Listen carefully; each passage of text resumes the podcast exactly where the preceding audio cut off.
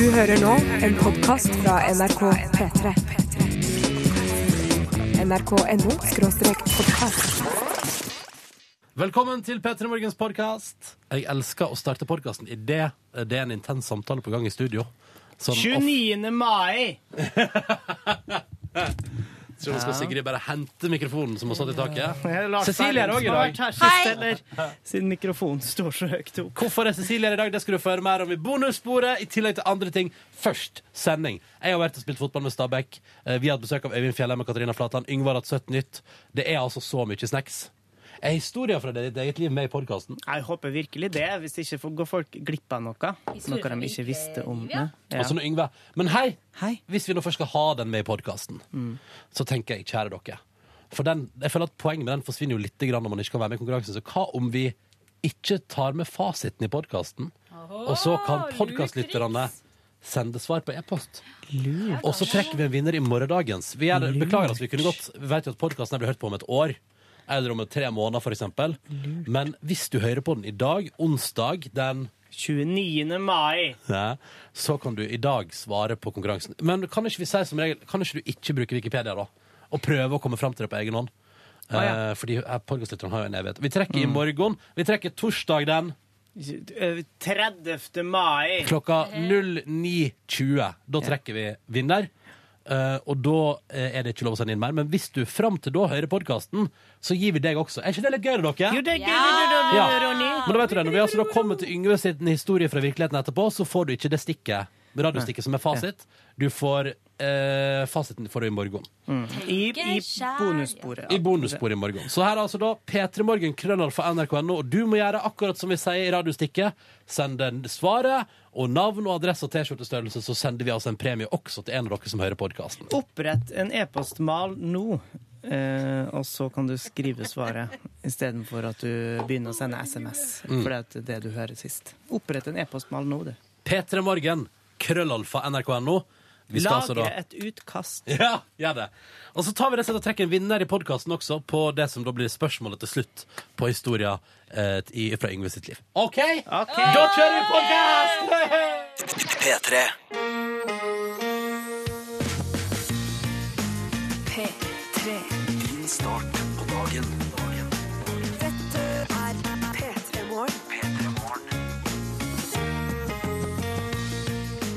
Endelig en ny dag, endelig en ny runde P3 Morgen. Vi er i gang, og velkommen skal du være altså til vår lille radiofest på morgenkvisten. Jeg heter Ronny. Syns det er hyggelig å være her. God dag, god dag. Og jeg er slett ikke alene. Silje Nordnes. Ja, jeg er på plass. Har klart å eh, dra den eh, slitne skrotten min ut av senga. Har forskjøvet meg mye i det siste, men nå har det begynt å komme seg igjen. Ja. Ja. Hva tror du det gjør at det har kommet seg igjen? Eh, nei, jeg har tatt grep om egen eh, leggetid. Ja. For at i forrige uke så la jeg meg jo så altfor seint hver eneste kveld. Men nå eh, nå er det sånn som det har brukt å vært før det igjen. Rett i seng etter Paradise. Ja, riktig. Selvfølgelig. Ja da. Rett i seng. Går du og legger deg etter Paradise, Yngve Ustadreite? Alltid. Alltid går jeg og legger meg etter Paradise. Nei da. Eh, jo, i, nei. Fuck, jeg er ikke så konsekvent på det, og det er bekymrer meg litt. At jeg plutselig så kan jeg legge meg halv ni, plutselig kan jeg legge meg halv ett. Eh, så det er bare Og så har jeg meg sjøl å takke de dagene jeg er enten uthvilt eller altfor trøtt, da. Men sånn Men- er det jo med alle sammen. Jeg tror det er du som legger deg tidligst. Ja, det tror jeg òg. Ja, perioder. Men altså, jeg kan være ganske rocka eh, og, og legge meg nokså seint jeg Ja, òg. du er Ja, jo ja, en litt sånn rocka Jeg type. Jeg tror aldri, så lenge jeg jobber her i P3 Morgen, at jeg har lagt meg halv ni. Nei, altså da la jeg meg ikke og sov. Da la jeg meg ned for å se på en ting. Eh, på, på Macintoshen. Nei, jeg sovna ikke i det hele tatt. Jeg bare la meg. Og så det var istedenfor å ligge på sofaen eh, slapt, henslengt og så grue meg til tannpuss, så var det liksom godt bare å få den unna og så ligge der og så Mm. begynne å slumre etter hvert. da. Digg, digg, digg. Mm. Jeg håper at du som hører på, har eh, for det første lagt deg i høvelig tid, og føler deg sånn passe uthvilt nå når du er i gang med en ny dag. Og enten du er det eller ei, så skal vi gi deg f.eks. musikk som eh, vekker deg litt og gjør deg klar for en ny dag. Eksempel denne frekkasen som kommer her. Han JC. Ain't no love in the heart of the city, folkens. Vi skal spole tilbake. Det er helt riktig. Vi skal tilbake til i går, da vi hadde besøk av verdensstjerne i trompet, klassisk musikk, Tine Ting Helseth. Hun er norsk jente. Det er jo, ja. Norsk jente som eh, har eh, Erobret verden. erobret verden, kan man si, og hun har eh, 250 reisedøgn i året. Og vi lurte jo på hva er det hun må ha med seg på tur. Mm. Og det skal du få høre nå, når vi Spoler tilbake! Jeg heter Ronny. Eh, jeg er 26 år gammel. Uh, og jeg uh, jobber i dette radioprogrammet her sammen med Silje Nordnes. Hei. Hun er litt eldre enn meg. 28 år er jeg, Hvor gammel er du, Tine Ting Helseth? Jeg er 25 år. Ikke sant? og har eh, rukket og gjort mye i din eh, karriere. Nå blitt en av de aller største i verden på trompet. Altså største stjernene, for du er jo ikke så veldig stor, du er ganske lita. Jeg er ikke så høy, det er ikke det er sant. Og så skal du arrangere egen festival, og så har du ca. 250 reisedøgn i året som musiker. Mm. Og da tenkte vi i P3 Morgen at nå vil vi bli litt bedre kjent med Tine Ting Helseth gjennom hva er det viktigste å ha med seg på tur for deg. Ja. Og da har du tatt med en slags topp tre. Skal vi bare begynne med nummer ja, ikke, Vi nummererer ikke. Begynn med en ting, du. Jeg begynner med en ting, og det er en ting som jeg da jeg må ned i veska mi her, da. Ja, du har med deg en liten pose. pose. har med en liten, og det er rett og slett iPaden min. Ja, Aha! En iPad Mini En har du gått for. En iPad. Mini har jeg gått for nå. Jeg hadde en før, men dette er jo da halve vekta. Nå skal ikke jeg begynne å reklamere for den, men den eh, er i hvert fall utrolig lett og fin å ha i veska. Kan jeg se inni Du eh, kan se inni den. Har du kode? Eh, nei, faktisk ikke. Så Er det, er det lurt? Uh, det er kanskje ikke så lurt. Har du noen privatsaker å på. privatsak innpå der, da? Hvilke apper er det du har her? Uh, det, jeg, jeg, apper, jeg har litt sånne kontorapper. Sånn type sånn, ok, Her kan jeg skrive dokumenter. Jeg er veldig kjedelig. Noen spill. Songsa, er det en, hva er det slags spill du har? Eh, jeg har noe sånn det er egentlig, for helt ærlig, De spillene er det egentlig lillesøsteren min som har mest oversikt over. Ja. Men Jeg hva er det, har hva er også en Marit Larsen-app. Jeg har det. Hva er det for noe? Jeg trykker på den, jeg. Trykk på den. Det er en slags slags app som da skal følge Marit Larsen. Jeg har, sånn, hva, er det som Marit Larsen Stalker? Nei, men det er faktisk, det er faktisk fordi de som lagde den appen, også lagde en app for meg. Så jeg har også min egen app der. Oi, Det jøss. syns jeg er litt stas. Men du, Tine, hva er det du bruker iPaden til på tur? Jeg bruker den mest til sånn eh, ja, mail av sånne obvious ting, ting som jeg da må følge med på. Men eh, til å se på TV-serier. Ah, Hvilke TV-serier ser du på? Eh, akkurat nå så har det vært litt sånn Glee, eh, Smash, eh, Nashville Veldig sånn musikkserier i det Ja. siste. Ja, og så var det- det sånn advokatserier en stund. Sånn Suits og The Good Wife. Og, ja. Elsker Suits! Ja, det er Elsker. Suits! Ja, Ja, det var, det det, måtte jeg bare se alle. Eh, i, på én rad og Ah, nå er jeg i gang her. Spiller Er? Sonic Jump. Ja, det er gøy. Bruker du den som iPod, Altså har du musikken på der? Jeg har litt musikk, men ikke så mye. Det har jeg, det har jeg mer av på iPod. Nå er jeg inne på musikken her. Her er det mye klassisk musikk. Leif Ja. Ove Avnsnes og Josh Groban ligger her. Ah, nei, det er han også. Demi Lovato. Ja, Hun liker du.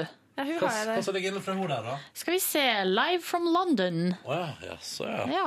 Noe liveopptak med Demi Lovato. Glia. Godt på den, ja.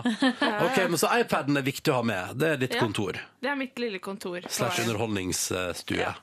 Hva annet er det du må ha med deg på tur? Um, jeg må ha med meg joggesko. Og det er litt sånn både De blir noen ganger flittig brukt. Andre ganger så er det litt bare sånn for å ha mulighet Jeg føler meg bedre når jeg drar hjemmefra hvis jeg har med meg joggeskoene, for da har jeg liksom muligheten Ja. til å virke Altså, hvis jeg får ånden over meg, så kan jeg gjøre noe fint og sunt og bra. Hva er den rareste plassen du har vært på joggetur? Eh, oi. Eh, den rareste. Vi var på sånn nor norgesturné rundt om i mange fantastiske små eh, strøk. Og da var jeg oppe på en sånn eh, Jeg starta veldig friskt, da, opp på en sånn fjellside. Eh, men det stoppa jo veldig fort. Jeg er jo veldig glad i å løpe rett frem. Ja, ja. Fordi at eh, jeg syns det er veldig slitsomt å løpe oppover. Så jeg kom bare noen meter opp, og så, Og så ga du deg. så ga jeg meg. Så ble det spasertur resten. Det ble, ja, jeg gikk ned igjen, og så fant jeg noe bortover isteden. Ah, yeah. Høres lurt ut. Ja. OK, så har du en siste ting. Ja, og den skal jeg tenkte jeg skulle spørre om hva dere tror dette er. OK, er det en slags eh, Ja. Ja. det ser jo ut som eh, Det ser ut som ei pepperbøsse, syns jeg, da. litt sånn rar Ja. Eller ei bitte lita bowlingkjegle. Ja. ja. Litt sånn håndgranatfeeling har jeg Ja. for. Men kan, hva, er det den, hva er det for noe? Dette er rett og slett en silent brass, heter det. Og det er rett og slett en mute eh, til trompeten. Det er en sånn som man da putter inn i skjallstykket. Altså, Lyddemper? Ja, rett og slett en lyddemper. så, jeg, så jeg da kan, eh, hvis det liksom er krise, det er ikke alltid trompet på hotellrommet er like populært blant naboene. Det tror jeg på. Så hvis det er krise, så kan jeg putte inn den her, og da er det nesten ingen som hører at jeg lager du, lyd. hvis, har du hatt med deg den der i, eh, i håndbagasjen? Ja, det har jeg nå da slutta med, for det var, jeg hadde den med meg i håndbagasjen. Og det som også er at det er en sånn metallstang inni her. Ja, så det kommer jo da på denne skanneren ikke sant, til sikkerhetskontrollen. Og når de da tar opp denne, så er det jo litt mystisk. Det ser jo litt mystisk ut, og det kan bli litt mange sånne Det ser ut som noe som kunne, hvis man legger godvilja til, vært Ja. kjøpt på kondomeriet. Jo, det kan man også Ja. si. Så man må heller ikke ha den stående på nattbordet Nei. eh, på hotellrommet. Nei, men altså Men litt borti der, for å kunne lyddempe trompeten. Det syns jeg ja, er fint. Den må jeg ha med, da. Ok. i tilfelle. Men du har slutta å legge den i, i håndbagasjen? Ja, nå tar jeg den i, i den I det femte bagasjen. real-opplegget. Fire minutter på halv sju. Dette der var Envy og Am I Wrong. Disse to karene der, altså. For en, eh, for en gjeng. Ja, og eh, du, de har jo spådd at det her skal bli sommerhit, Ronny. Jeg har spådd det, ja. Jeg tror det. Jeg tror dette kan bli ei låt for sommeren 2013. Iallfall i mitt liv. Det er det ingen tvil om.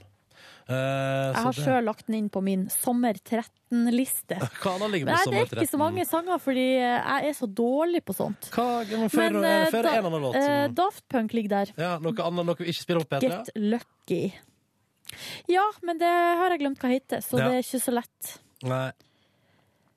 Så det var sommermusikktips fra Silje Nordnes. Ja, men jeg er, ikke sånn, jeg er ikke så god på musikk. Jeg har Nei, okay. bare skjønt det nå, at uh, det er ikke et av mine kompetanseområder. Det, ja. Ja.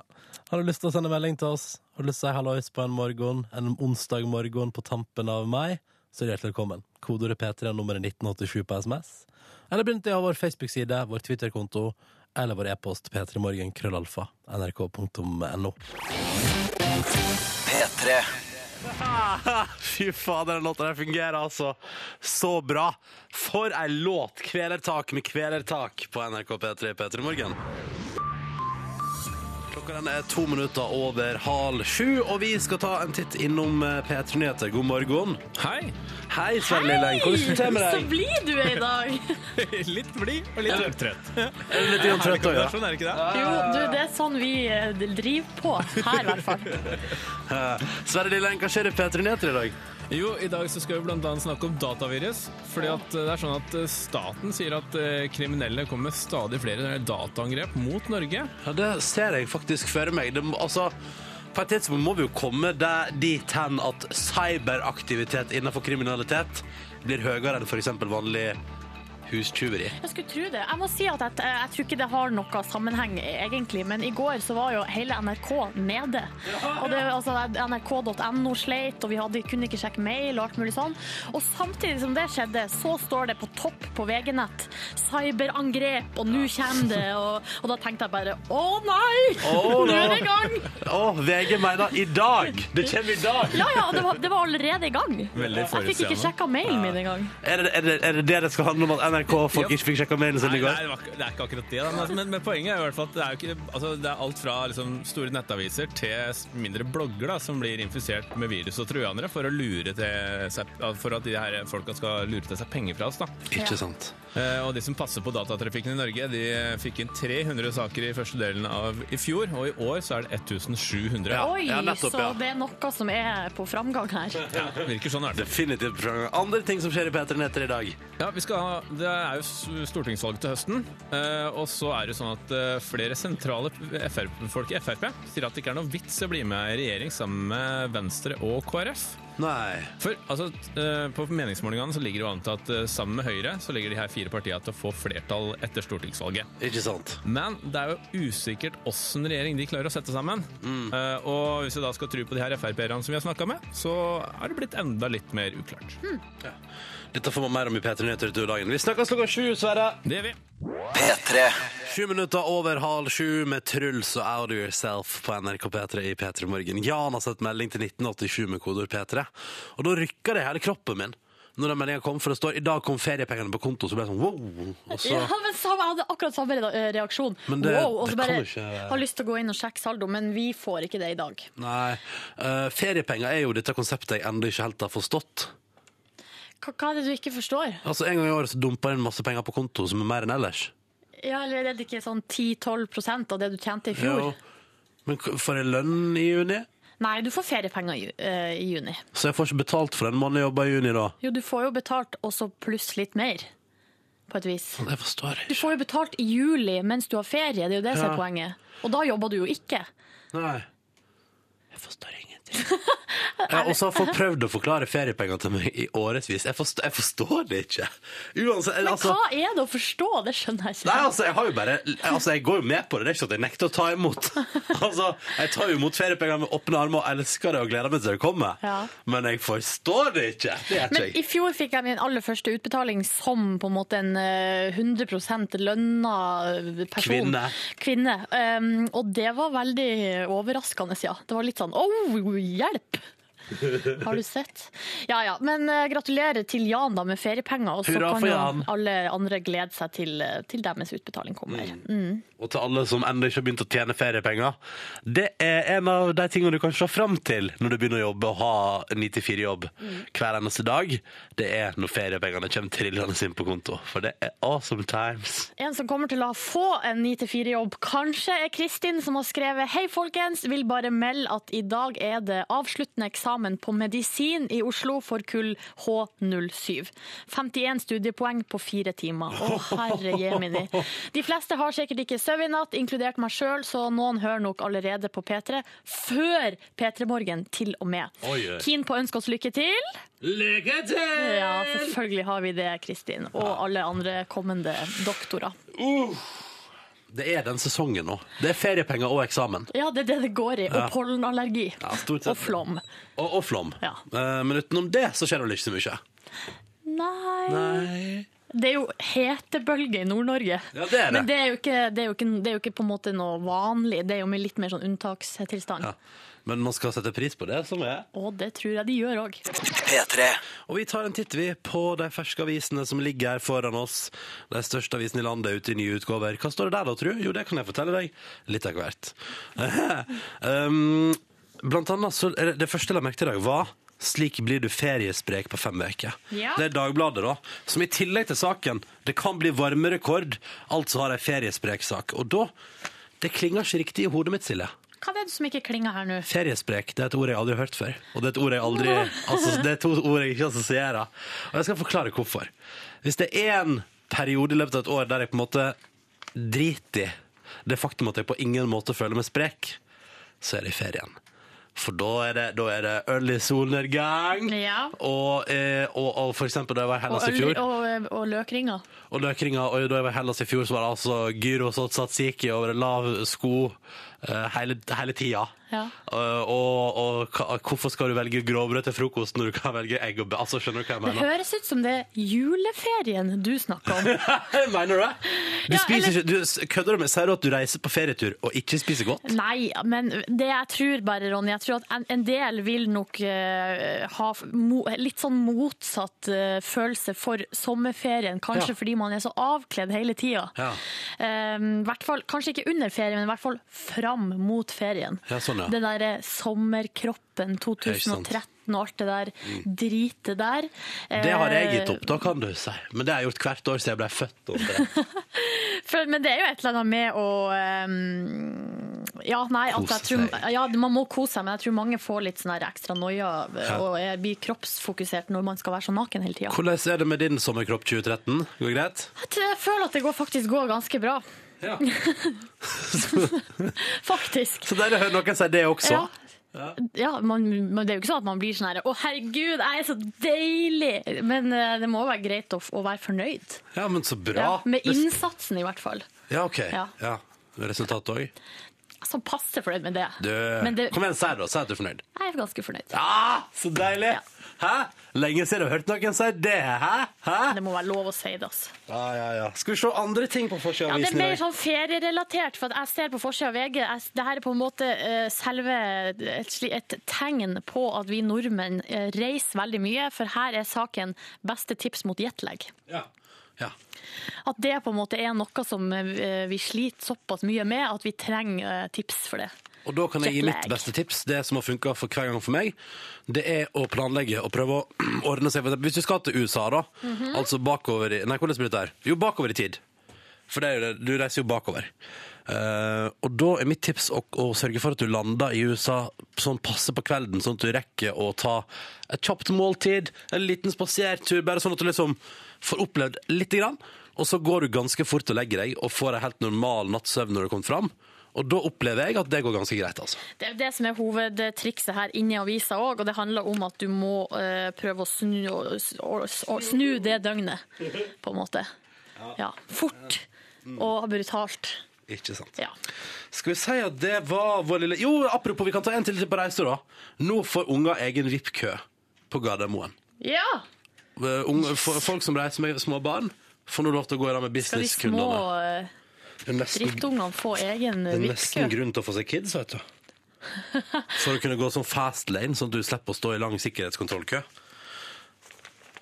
Du får vei veie litt for og imot da, Ronny. Se om det blir noe greier på det. Enig. All right! Vi spiller Taylor Swift for deg og 22, kongelåt på NRK P3. P3. Taylor Swift, 22 på NRK P3 i P3 Morgen, hvor vi har fått litt reaksjoner, annet på avispraten vår nettopp. Ja, eller det er bare en som skriver Vi snakka jo om det her med, med trening fram mot og under ferien. For at du mener jo at under ferien, altså i løpet av ferien, da er det bare good times og mat, mat, mat, mat. mat. Og da tenker du ikke Ja, på uh... hvis du først bruker masse penger på å reise til Syden, så skal du jaggu ha det koselig der. ja, men Du er jo ikke i Syden i fire uker, ja, men uansett. Um, og så snakker vi om sommerkroppen og alt det der. Kanskje noen eh, har lyst til å trene fordi de skal gå i bikini eller badebukse. Men da er det en som skriver alle har da sommerkropp, bare i forskjellige former. Og det er jeg så enig i. Og så har Hanne prøvd å være pedagogisk, for jeg sa i stad fordi Jan har fått feriepenger med ham på SMS, og, han, og jeg sa jeg forstår ikke konseptet. Og så er Hanne så, det er så søtt at hun legger om til Sånn at jeg skal forstå det. Et forsøk på å være pe- pedagogisk. Hør nå, da. Ja. Du får vanlig lønn i juni, men den trekkes på grunnlag av hvor mye ferie du har. Deretter får du utbetalt opptjente feriepenger. Junilønna blir altså slik Følg med nå, dette her er altså en fin formel. Ja. Lønn ferie, pluss feriedager Nei, vent, skal vi se. lønn. lønn minus feriedager pluss feriepenger er lik good times. Men vi har også fått en annen forklaring som er litt lettere, der Steinar skriver eh, feriepenger er tvungen sparing. I stedet for at årslønna deles på 12 og gis hver måned, så deles den på 11 og deles ut 11 måneder. Men da trekkes det 10,2% som betales ut den 12. måneden. Skjønte du Det det? er en hyggelig gest fra staten, da, egentlig. P3.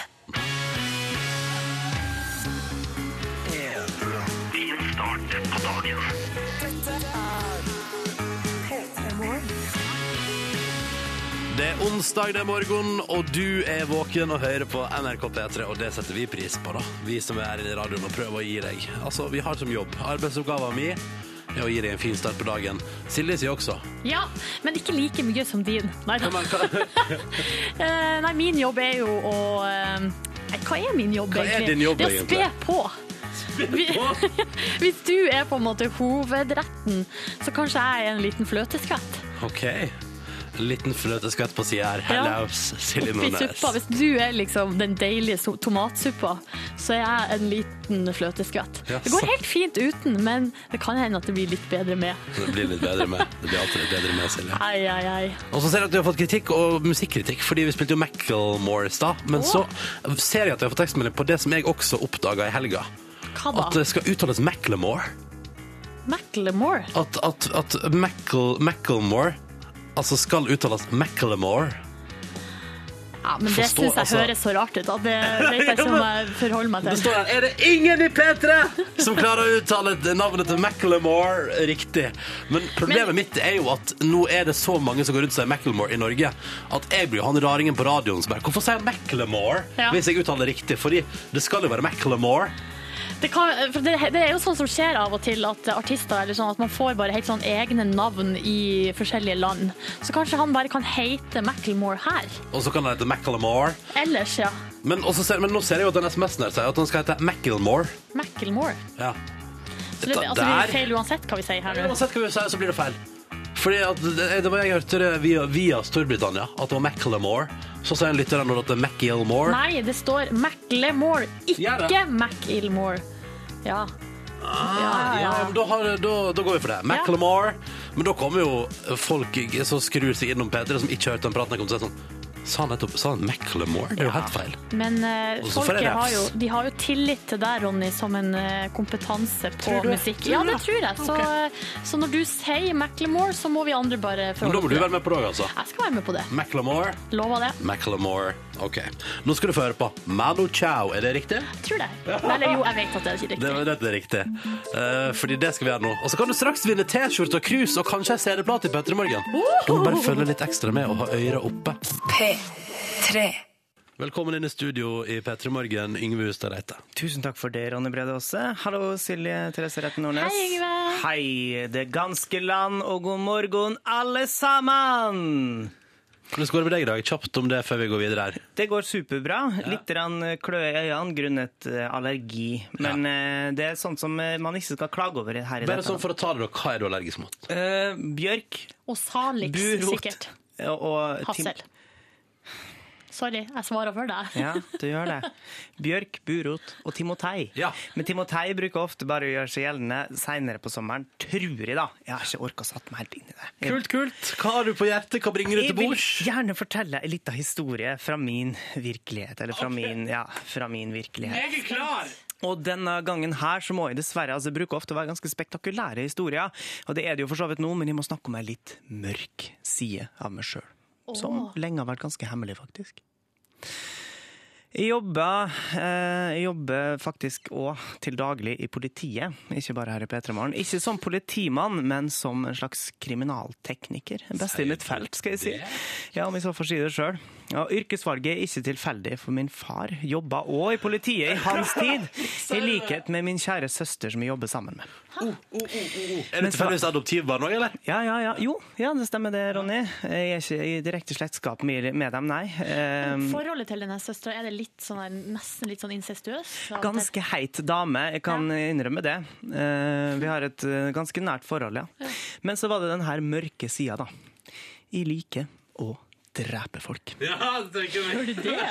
Og da er det ikke bare bare å jobbe i politiet. Har et slags bevisst, jeg har et slags bevisst forhold til hva som er rett og galt, eh, sjøl om jeg ikke kjenner så mye hardt på den her samvittigheten og ansvaret for samfunnet, da. Ja. Men løsninga mi er at jeg finner bad guys. Bad guys som sjøl er drapsmenn eller halliker og samfunnsplager. De som kanskje dukker under politiets radar og ikke blir fanga opp av rettssystemet. Og dem oppsøker jeg, doper ned, og så fuckings drepe dem! Nei, men Ja, jeg skjærer dem opp og dumper dem i sjøen én etter én. Fra den søte lille båten du eier sjøl, eller? Ja, helt riktig. Fra Miami Harbor. Men før det så plukker jeg ut en enkel dråpe blod fra hvert enkelt av dem som jeg har i mitt rikholdige arkiv Utrolig dumt å samle bevismateriale på den måten. Mot deg sjøl. Ja. Det kan det hende det backfire etter hvert ute i, altså, litt ut i sesongene. Ja, det vet man aldri, men altså, det kan jo selvfølgelig hende. Men altså, du får jo en viss nytelse av det. da. Hvis de bare hadde dumpa dem, så er det kanskje noen jeg hadde glemt. òg. Nå vi Nå føler jeg du har overgått deg sjøl i lystløgneri. Ja. Fordi det her er det verste jeg har hørt. Nei, Det ligger så mange tekstmeldinger i innboksen med navn på en TV-serie nå. Ok, ja, nei, det er ikke med. Det er ikke i det Hæ? snakker om. Er det ikke du? Nei, OK, dere tok med der. Og dere lyttere òg tok med der. Nei, greit, det er snakk om uh, TV-serien Dexter. Da er ikke det riktig svar, i alle fall. Nei, altså, men du skal være inne på det. Jeg skal ha hele fulle navnet til denne her Dexter. Oh, ja. Eh, ja. Figuren, altså. Fornavn og etternavn på uh, personen som jeg fortalte eh, ja, slags min historie fra. da. Så sender man bare det, da, svaret, pluss T-skjortestørrelse og adresse til P3 eh, nummer 1987. Kodeord P3 til Ja. nummer 1987. Og så Ja. kan man vinne noe snacks. Det er altså da på SMS det er snakk om her. P3 til 1987. Ja, Hiv det på. ja, ja. Fullt navn på deg sjøl og på Dexter, pluss navn, T-skjortestørrelse og adresse. P3. Du, eh, eh, du har sagt feil klokkeslett. Du vet hva som skjer da? I stad så sa du ti på halv ni. Folk har fått uh, kaffen i vrangstupen. Så derfor så skal du få svipup! Det var ikke, det var ikke slag i armen. Er det slag i armen nå? Er, er det svipup? OK, du skal få slag i armen. Ok, ja. OK, er du klar? ja. Bam! Det der var ikke hardt i det hele tatt. OK, da gjør jeg det en gang til. Au! Sånn går det når du sier feil klokkeslett. Men det som er kult, er at det knakker mer i handa di nå. Ja, det knakk litt i fingeren min, men det er collateral damage. Såpass må man regne med. P3. Daft Punk og Get Lucky på NRK P3. God morgen! Og nå har vi fått melding her. Og det er Håvard Nei, skal vi se. Det er Håkon som altså da skriver at han elsker den låta her. Og nå står seriøst og danser til Get Lucky i dusjen. Og det syns jeg er bra å vite at vi har Håkon dansende i dusjen der ute.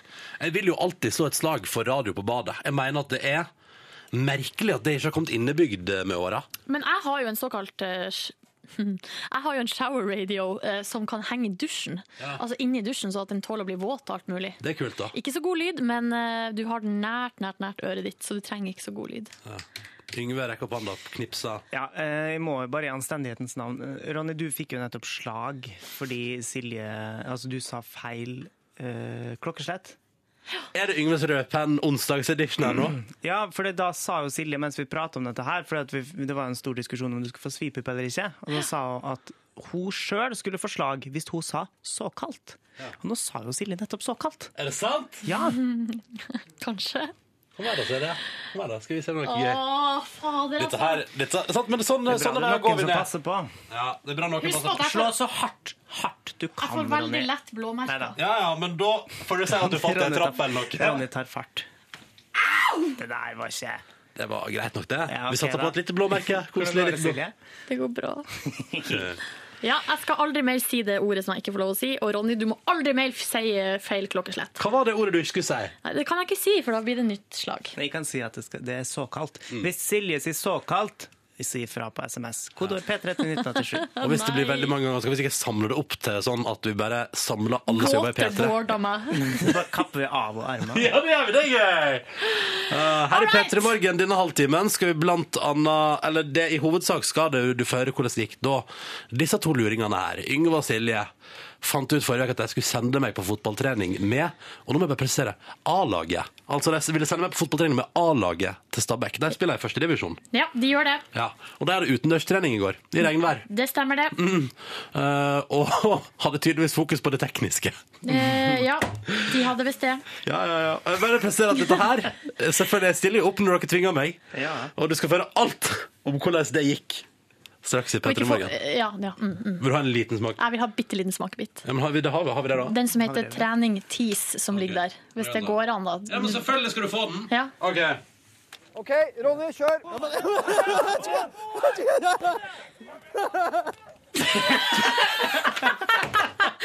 All right! Okay. Se der, får vi Straks i snart Petter i høre. morgen, altså. Jesus.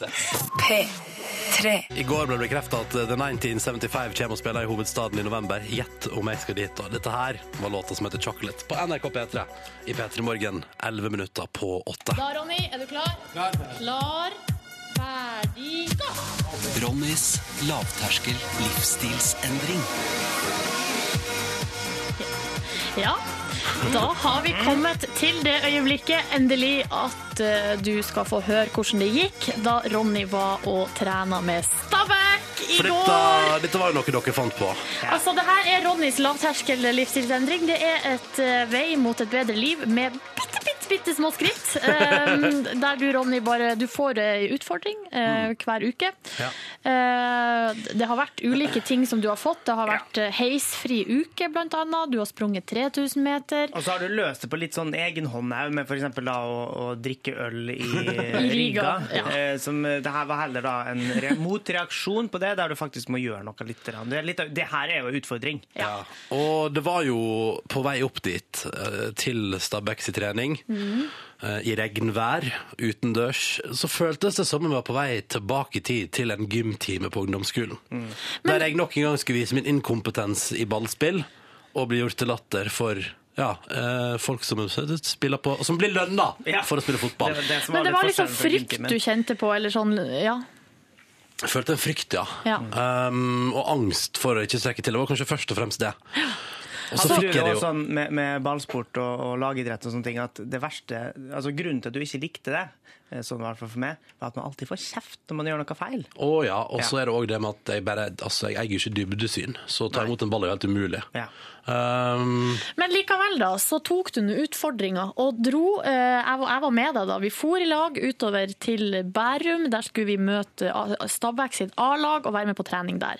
Eh, tilfeldighetene skulle ha det til at vi kuka det til, som det heter på mitt språk, og vi kom 20 minutter for sent til trening. Um, så der var på en måte stemninga litt satt. Ja. Eh, og du ble bare kasta inn i det. Um, inn i oppvarminga som de var i gang i med. oppvarminga som de var i gang med. De sa bare 'ut på banen', bare kom deg inn bak sistemann der, så bare følger du opplegget. Skal vi bare høre litt på hvordan det hørtes ut? OK, Ronny, kjør. Jeg vet ikke hva jeg driver med! Jeg vet ikke hva jeg driver med! Hæ? Se på foran deg. Oppstilling, OK, ok, så skal jeg sånn. Så topp. Ja, ja. Litt ukomfortabel. Ja, Ja. litt. Ja. Og så var det så søtt, fordi når det da passerte liksom, La oss si at vi gjorde en sånn øvelse der vi skulle springe litt i sikksakk, så passerte spillerne meg mens de lo, liksom. Ja.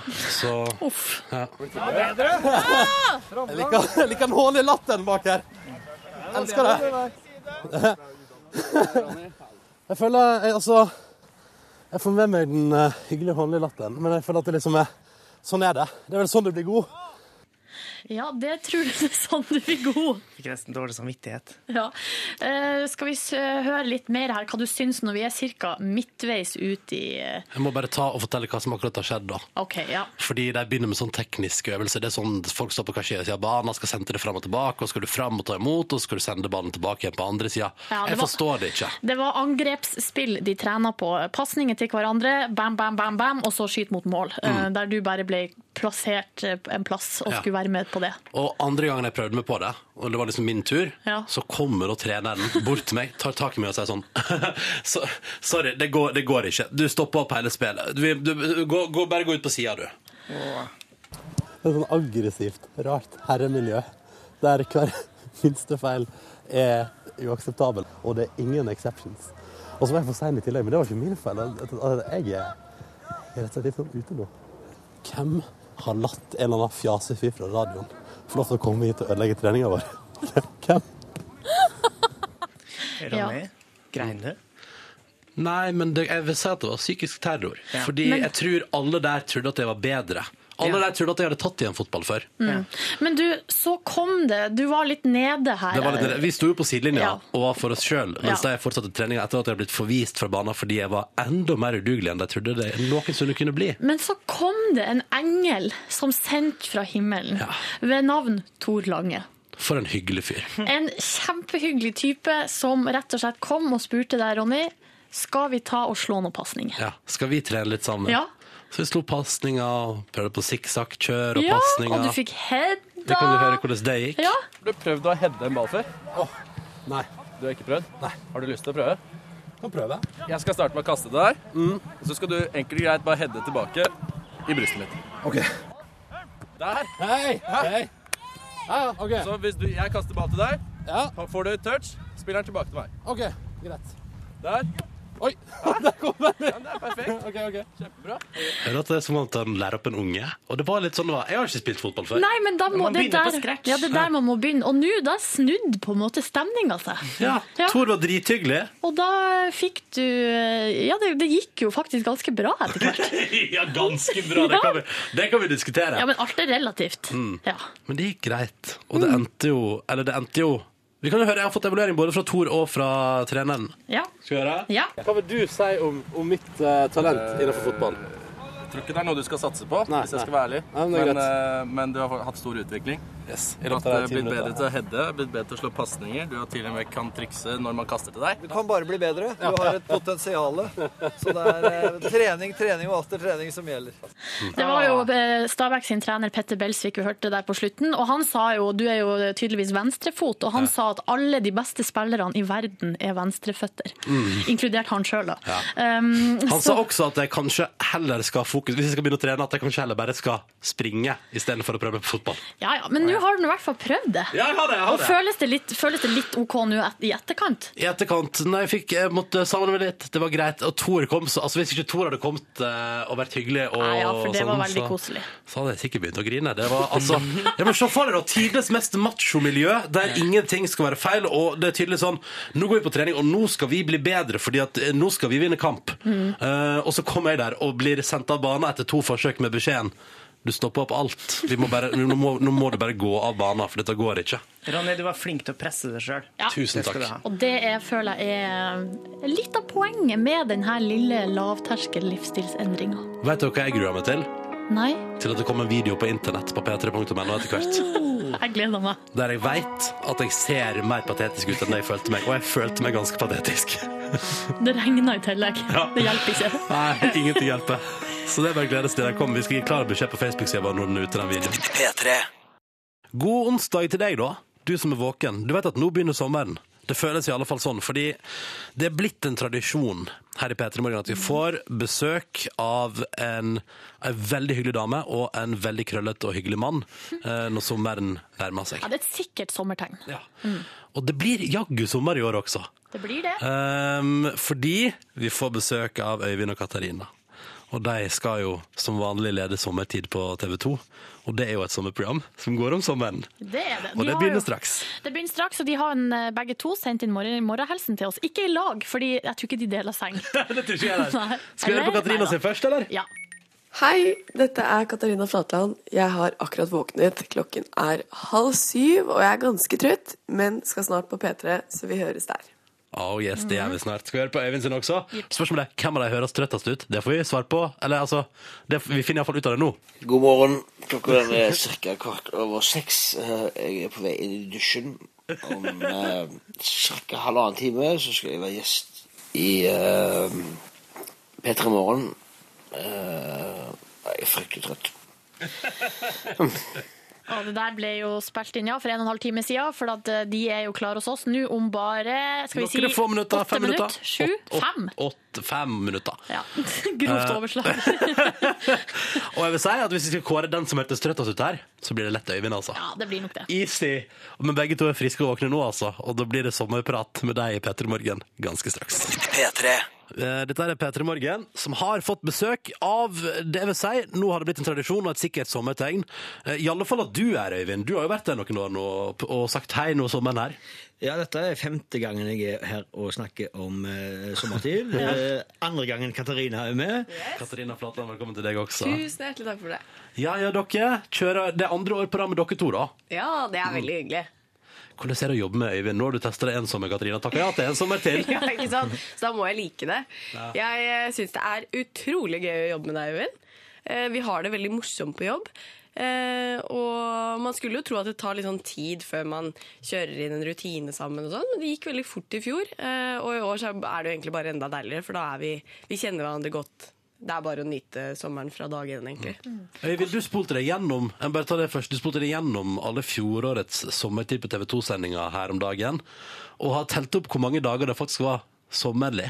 Ja, altså, For de som har glemt det, sommeren i fjor var forferdelig. Jeg, jeg spolte gjennom alle sendingene, og først 6. juli, når vi hadde holdt på i litt over en måned, så åpna meg og Katarina med å si 'Folkens, sommeren er her'. Og da- og det var første gang vi sto i T-skjorter på eh, sending, for det var så kaldt på sendingene. Jeg forstår det ikke, for alt jeg minnes i fjor, at jeg vandra gatelangs i T-skjorte Ja, klokka man to om natta. det. Man glemmer det. Ja, men, men vi glemmer det ikke, for vi har det dokumentert. Men hvordan er det med dere to eh, sånn eh, fra i fjor sommer og fram til nå? Har dere hengt noe? Eh, nei. Nei, jeg har ikke vært der. Jeg har vært på shopping. Nei, det- er, alt- alt kan jo gå det. Nei, altså, jeg, jeg sa til Katarina her om dagen at eh, i, i grunnen så lever vi ganske like liv, fordi vi har sommerprogrammet sammen eh, hele sommeren. Og så lager begge to hvert sitt program i USA på vinteren. Ja. Eh, så eh, hun har vært eh, i høst, hele høst så var hun i USA, eh, mens jeg har vært i USA i hele vår. Eh, så vi har hatt veldig liten tid til å prates, rett og slett. Bare bytta på, rett og slett. Ja. Over, over there. Ja, så, så det har ikke blitt så mye tid til det, men vi snakker sammen, det gjør vi.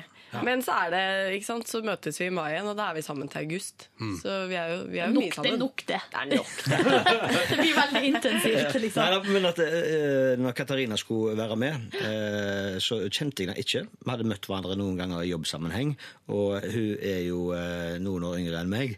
Eh, så jeg var, eh, jeg var litt skeptisk med en gang, for hun var, hun var jo litt ung. Og så eh, sa min sjef eh, gå og ta en kaffe med henne, skal vi høre hva du syns etterpå. Eh, og vi fikk umiddelbart en veldig god kjemi. Mm. Og jeg pleier å si at Katarina er en gammel kvinne i en ung kropp. Hvordan merker man det? Eh, nei, det har noe med refleksjonsevnen eh, Og det har ikke med referanser å gjøre at hun kun liker gamle ting? Napoleonskake og Nei, hekling og altså, Definitivt det hun. Eh, hun er jo sånn veldig flink pike. Legger seg tidlig eh, når vi skal ha sending. Og vi kommer på redaksjonsmøte når jeg nesten akkurat har stått opp, så har hun sprunget rundt Sognsvang to ganger. Og Det er drukket grønn Det er te. litt og- kjedelig, med andre ord. Men dere, vi tenkte vi skulle teste dere, da. Eh, Katarina og Øyvind, hvor godt kjenner dere hverandre egentlig? Så vi har spurt dere pent om dere kan forberede tre påstander om dere sjøl, og så skal den andre gjette er det fleip eller er det fakta. Er dere klare for det? Ja. Så bra. Da gjør vi det rett etter litt deilig sommerlig musikk fra Lemeter. Vi har besøk. Øyvind Fjellheim og Katarina Flatland skal nok en gang gi oss eh, sommerstemning, i den grad vi får sommerstemning i Norge i 2013, fra TV 2-taket. Fra og med neste uke. Dere er nå tidlig på, gitt. Ja, ja, vi begynner tidlig, men det er jo litt med å bringe sommeren til folket. Ikke, nå må jeg bare si, nå sitter Katarina og prater med ryggen til Øyvind Fjellheim. Eh, det ser veldig rart ut, men det er jo fordi Ja, det går ikke. det går, vi har spurt. Vi skal sånn fleip eller fakta-kjøre. Altså, dere har skrevet tre påstander om dere sjøl, og skal den andre gjette er dette sant eller usant. Og Katarina har så dårlig pokerfjes at hun har valgt å sitte med ryggen til. Jeg blir så syka ut av Øyvind, så jeg blir nødt til å sitte sånn her. OK, men uh, kanskje du skal begynne, da, Katarina, så du har allerede sett med ryggen til. Det kan jeg gjøre. Ja. Jeg litt, sånn, jeg er litt nervøs, så jeg må bare Nei, nei, nei, kom igjen, kjør på. Eh, OK, Øyvind. Da, da, da tar jeg påstand nummer én, eh, som er at jeg har vunnet 9000 i en pokerturnering. Ja, det tror jeg faktisk på. Det Selv tror om, du, hun ja. sitter, selv om hun sitter der med ryggen til og dårlig pokerfjes. Ja. ja, det tror jeg. Du er jo en gambler. Ikke sant? Og svaret er jo selvfølgelig ja. Det har har jeg. Ja, det har jeg. Hvor var dette? Da jeg var 16 år, så satt jeg eh, hjemme med faren min og spilte nettpoker. Han lærte meg det. satt oppe hele Sånn f- far og datter-tid, Ja, ja, liksom. far og dattertid. Og det var eh, natt før skolen, og jeg, ja. jeg ble sittende oppe hele natta. OK, ok, da tar vi eh, Øyvind, en påstand fra deg. Og den har jeg gleda meg til. Jeg fikk et sånt skrytebilde av Katarina på SMS i går. Hun var på Beyoncé-konsert. Ja. Så da skal jeg komme med følgende påstand. I går kveld var jeg ute og spiste med koreografen til Beyoncé, og hun kom innom på slutten av middagen. Sant eller usant? Nei, det er usant. Hadde vært uten. Hadde det vært uten at Beyoncé kom innom, så tror jeg, tror jeg det hadde vært sånn. Helt rett. Det Det er var usant. Ja. Men spiste du med koreografen? Nei da. Du bare gjorde ikke det, du Nei, bare nei. tull. Men det hadde vært en god story. Og jeg har jo lagt opp til dette, for jeg sa til Katarina i går ettermiddag eh, du må vekke meg i morgen klokka sju, for jeg skal ut på noen greier. og så sendte jeg melding til deg i går kveld. At, Du, din husk å vekke luring. meg. Og allikevel så klarte jeg ikke å lure deg. Det er det verste jeg har hørt. Men fy fader, det var bra. Wow! Jeg var i ferd med å tro på det. Katarina, det er din tur igjen. OK, um, jeg har vært toppskårer i håndball. Ja.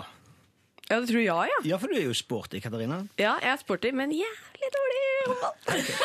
Så det er usant. Ja, jeg, jeg er innmari dårlig. Jeg spilte i ett år, men jeg, da måtte jeg legge opp. Da klarte du å lure han, så da, nå står det 2-1. Øyvind. Har jeg finansiert studiene mine med å stå opp klokka seks om morgenen hver torsdag og fredag, kjøre ut til fiskebåter, kjøpe reker og stå og selge de utenfor opps i Haugesund? Jeg har så lyst til at dette skal være sant. Jeg har så lyst til at dette skal være sant. Altså, vi, vi var ute og spiste nå for noen dager siden, og da skulle du sjekke rekene mine for å se om de var ferske, så jeg tipper ja, du har veldig peiling på reker. Helt korrekt. Ja, det har Det står det respekt av, Ja, altså. altså, jeg må, jeg må fortelle, for det, var min bror som starta dette selskapet når han var eh, 17 år. Jeg hadde ikke sertifikat, så far min måtte stå opp for å kjøre og hente disse rekene. Samtidig så starta han med å selge bakte poteter i Haugesund. Eh, og det førte til, og så ansatte han meg som var 15, og broren min på 12. Eh, og det førte til at eh, mine foreldre aldri kunne lage middag hjemme i huset. Fra onsdag til og med lørdag, fra klokken tre på ettermiddagen til fire om natta. Hva dere styrer med da? lage bakt potet? Bakte poteter, så kjørte vi til byen og solgte de. Så mine foreldre kunne aldri ha gjester eller noen ting. Kremmer, altså. Du er en sånn gründertype. Ja. Gründer Fjellheim. Men tålmodige foreldre, ha? ja, det må jeg si. Ja, Veldig imponerende. Ja, det er fantastisk. Ok, Katarina, Siste påstand fra Katarina. Det er altså, så står det 2-1 fortsatt, gjør ikke det? det er 3-1 for Katarina. Sorry, sorry. Øyvind i stad. Eh, ok, siste påstand. Uh, jeg har kjøpt en lapdance til meg selv i edru tilstand. Please, la det være sant. Altså, det, det, det Please, la det være sant. Please, la det være sant. At du tror det er sant? Men det tror det sikkert ikke, for du tror jeg er så snill. Jeg har det i Las Vegas. Oi! Ja, ja, ja, ja. Vi vil ha alle detaljer. Ja, nei, jeg var i Las Vegas eh, på jentetur. Eh, veldig morsom tur. Vi dro Må på stoppe litt, Katarina. Folkens, alle sammen, lukk øynene nå. Og lytt nøye. Og så dro vi på eh, strippeklubb, selvfølgelig. Eh, Men vi dro dit sånn rett etter middag, så vi var egentlig ganske edru, da. Eh, Og så kom det jo Og de, de er Sorry at jeg sier, men de er digge, de kara der. ass. Det er liksom ikke sånn luguber strippeklubb. De er godt trent. Det er sånn du ser på film. Så vi eh, Ja, vi trodde egentlig vi kjøpte en shot, men det var en shot med en lapdance. Og det, ble, og det ble jo flere av de lapdansene, for vi endte jo med å ikke dra videre, men å bli der til klokken fem. Så gøy var det. Jeg var bare, du vet, sånn skikkelig dame på tur. Sånn der, eh, kjøper enda mer. Ja. Så Men det var gøy. det var en mann som danset. Det var en mann, ja. Da kan dere åpne øynene igjen. Ja. OK, Øyvind, siste påstand fra deg. Sitter jeg på en video av meg og statsminister Jens Stoltenberg, som han vet om, men aldri har sett, der vi danser sammen alene på et toalett lenge. Altså, det har å dans, være liksom. Det, det høres for godt ut til å være sant, men Å, Åh, men eh, Jeg tenker som i stad, please, la det være ja, sant. Jeg må bare si det. Jeg, jeg, jeg håper det er sant. Men tror du det er sant? Nei. Jo, men det er det. OK, OK. What the hell? Hva danser dere til? Hvorfor? Hvor fulle var dere? For, altså, alt, Øyvind! Alt nå! Du skal få alt her og nå. Og jeg har en avtale med Jens Stoltenberg at dette får jeg ikke vise til noen før han er ferdig som statsminister. Men du har lagt opp snakk om det, tydeligvis. Eh, det var vi aldri helt inne for. Så det, det, det, det, det var rett og slett sånn. Vi skulle skyte en promo for eh, det første TV-programmet jeg skulle lage, som heter Fredag. Ja. Da bygde vi opp Ally McBeal Unisex-toalettet. Og så kopierte vi den dansen til den lille rare advokaten. Problemet var at Jens Stoltenberg, når han kom der, trodde at jeg skulle gjøre et intervju med han. Det hadde researcheren eh, sagt til han. Ja. Eh, Men du skulle bare ha med på promo, du? Jeg skulle bare ha han med til danse på en promo, og når rådgiveren hans og han kom bort til meg, og de sier 'Hvor skal vi gjøre intervjuet?' Og jeg må si «Ah, intervju liksom. Men da var han altså sporty. Vi fyrte opp Barry White, 'You're my first, my last, my everything'. Jeg står inne på toalettet og vasker nevene. Båsen går opp bak meg. Ut kommer Jens Stoltenberg bort. Er Ser meg inn i øynene, og så har vi en koreografert dans. Det er fett. Hvis han taper, hvis han taper valget til høsten, Da da det. skal det slippes på nett. Å, fy fader, det er nesten så jeg håper han taper valget til høsten, altså. Så gøy. Wow. Oi, oi. Uh, hvem vant her? Det blir vel Katarina? Du, det er likt. 3-3. Wow. Nei! Jo, jo. Jo. Å, Nei, nei. nei, det syns ikke jeg er noe gøy. Konkurransemenneske. Det er ikke sant. Ja, Siden vi har eh, programleder for sommertid, her, så må vi bare fortsette med sommermusikken. Så dette er Smash Mouth med 'Walking on the Sun' på NRK P3. Åtte minutter på halv ni. God morgen og god onsdag til deg som hører på. P3. Og så har vi altså besøk av de to som skal prøve å gi oss sommerstemning også på dager der de holder på å blåse vekk på TV 2-taket. Øyvind Fjellheim og Katarina Flatland, god morgen. God morgen. Hva, var den, hva er liksom den verste opplevelsen i fjor, bare for å ta Mens jeg er inne på det, med sånn uværsmessig på taket, for dere har jo utesending. Ja, um, altså det regna så mye, så det, var liksom, det ble vi nesten vant til. Men eh, Jeg skal ikke nevne navn, men det var en, en gjest som på direkten sa Skal vi ikke gå inn, da? og det er liksom sånn, Da sitter vi og prøver å være god stemning. Og så er jeg bare Ja. Ok, Siden det gikk på TV, hvem var det? Hvem var det som foreslo det? Nei, skal ikke henge ut noen. Synnøve Macauley Lund. Ja, det var det. Hei, Synnøve. Men det må jo være lov å spørre. tenker jeg. Ja. Nå er det altså så trist her. Og det var så kaldt, liksom. Ja, Ja. Da må det være lov å spørre sånn. Skal ikke bare ta dette innendørs? Bare rett inn i gangen her. Kanskje dere bare ta med dere kameraet der og bare står vi på innsida. Dere, vi må ta noen spørsmål som har kommet til dere, og vi holder oss i sommertidland. For eh, Stig lurer på, har dere en drømmegjest dere gjerne skulle hatt på besøk i sommertid? Kanskje en som dere har drømt om å få, men ikke har fått? Er det noen? Øyvind, har du noen Beyoncé? Man drømmer alltid om de, å, å få den hvis uh, Rihanna kommer til Norge i sommer. Ikke sant? Så må vil du ja. Ikke sant? Så vil du jo veldig gjerne ha henne. Eh, det hadde vært gøy. Ja, men, så er det litt sånn at de fleste kjente mennesker har man sett blitt intervjua så mange ganger. Så, så det eh, som er gøy, det er hvis du får noen eh, som folk ikke vet noen om, så har en fantastisk historie. Eh, Sånn, så nå For noen uker siden så var det mange som lurte på hvem er den trønderen som vant 216 millioner. Mm. Ja, ja, ja. Ja, da hadde det vært gøy å klart å overtale han til å komme til oss. Sånne ting syns jeg er aller kjekkest. Når du kan, noe som mange går og lurer på, og så kan du få vite det hos oss. Helt enig. Det er på en måte mine favorittgjester. Ja. Eksempel på noen som du virkelig har vært fornøyd med sånn sett? Ja, det er så vanskelig når du spør sånn. I know! I know! Ja, dere, du har hatt eh, hva det er, 100 sendinger kommer dere til å runde nå når eh, dere er inne i andre uke. Så det er ganske mange sendinger det er snakk om, og mange gjester. Ja. Ja. Det, det er jo gjerne fire-fem gjester i hvert program. Ja. Så det blir Oi, eh, ja, da kan Ja, du da er vi på 500 400-500 gjester, da. Ja. Og noen av dem har du vært fornøyd med. Eller ganske mange. Ja, selvfølgelig. Ja. Ganske mange. Bra. bra. Skal vi ta eh, Skal vi se her. Det er Sigrid lurer på om du, Katarina, fortsatt går på medisinstudiet? Eh, ja, altså jeg har jo permisjon jeg, da, fra Ja. medisinstudiet nå. Eh, fordi nå har det vært mye jobb. Eh, men eh, det betyr at jeg kan enten ta opp studiene til høsten eller til våren igjen. Eh, så vi får se. Jeg, jeg, har jo, jeg skal jo fullføre medisinstudiet. Du Det, det, det er ikke snakk om noe Nei, annet? liksom? det skal jeg, og det Ja, ok. har jeg utrolig lyst til. Men eh, jeg koser meg også veldig mye med jobb nå, sånn at jeg, jeg har det litt på vent for øyeblikket. Hvor lenge har du igjen av studiet? Fem år. Så jeg er nesten ferdig. Ja. nesten ferdig. Lykke til. Ikke sant? Skal vi se, jeg tror vi må gå over til Spørsmålsruletten! Åh, Jeg hadde så lyst til å ta et spørsmål til til Øyvind. Ok, ta det fort, Henriette da. lurer på naturlig lys i håret. Definitivt. Definitivt. Definitivt. Ok. Spørsmålsruletten vår er at vi har en haug med lapper. På lappene står det tall, og bak tallene skjules det et spørsmål. Alle gjestene våre må innom på, ta, på tampen av intervjuet innom, innom her. ikke sant? Katarina. Nei, dette lover dårlig. Jeg fikk 13. 13, ja. Og Øyvind, hva fikk du? Én. En. Oi! Wow. Da begynner vi med til Katarina, nummer 13. Er du klar? Ja. Her kommer det. Hvor mye har du på konto? Ikke så gale til å være nummer 13. Kanskje vi skal hatt noe verre der. Nei, altså, jeg, jeg opplev, har opplevd to ganger etter å ha vært i USA nå og blitt uh, hacka. Så plutselig har jeg skjønt er kortet mitt tomt. Ja, tomt. Eh, og da hadde de shoppa for 13 000 på Burberry i LA. Så- Ja, ja. Og jeg satt der og, og de var, jeg, altså, jeg kunne se liksom, det var Coca-Cola på sånn automat. Altså, du bare så det rant inn. da. Eh, og det har skjedd to ganger nå.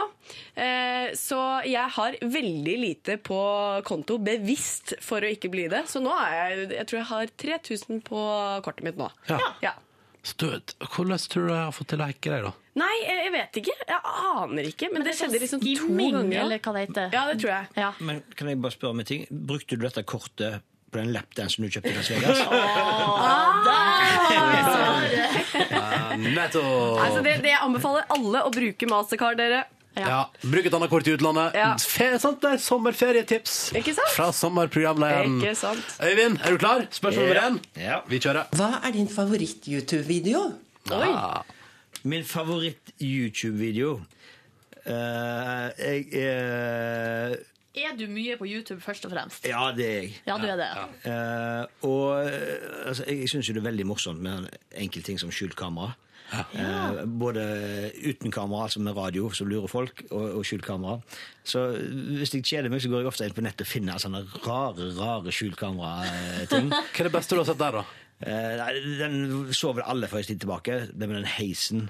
Der folk tar Ja. heis, og så kommer det eh, jenter ut av heisen når, de står, når strømmen går i heisen. Åh, det er så plutselig ekkelt! står det en sånn liten jente som så seg spøkelse i heisen. Åh, den er så skummel, den! Ja, at de turte å lage den, det skjønner jeg ikke. Den må vi se om vi finner og får lagt ut på Facebook-sida. Den er helt fantastisk. Her, jeg, jeg søker på 'scary elevator prank'. Ja. Extremely scary ghost elevator prank in Brazil. Er det den? Ja, det er den.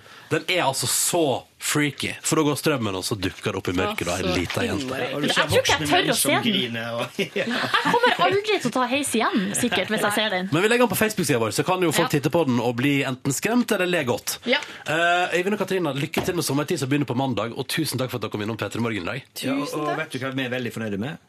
At vi har stukket av med to av deres ansatte. Ja, det har dere. Vaktsjefen deres blir vaktsjef i sommertid. Ja. Så kjære P3-lyttere, nå kan dere skru på sommertid, så blir det litt P3 der òg. Ta deg redaksjonen, det er greit. det. Ja, ja, ja. OK, ha det bra! Ha det bra! Vi spiller musikk på P3 nå. P3. Hello. Ti minutter på ni. Dette er NRK P3 og P3 Morgen, som håper at det står bra til med deg. At du har en fin eh, onsdag. Hæ? Hæ? Hello. Yngve kom inn i studio. Ja, god dag.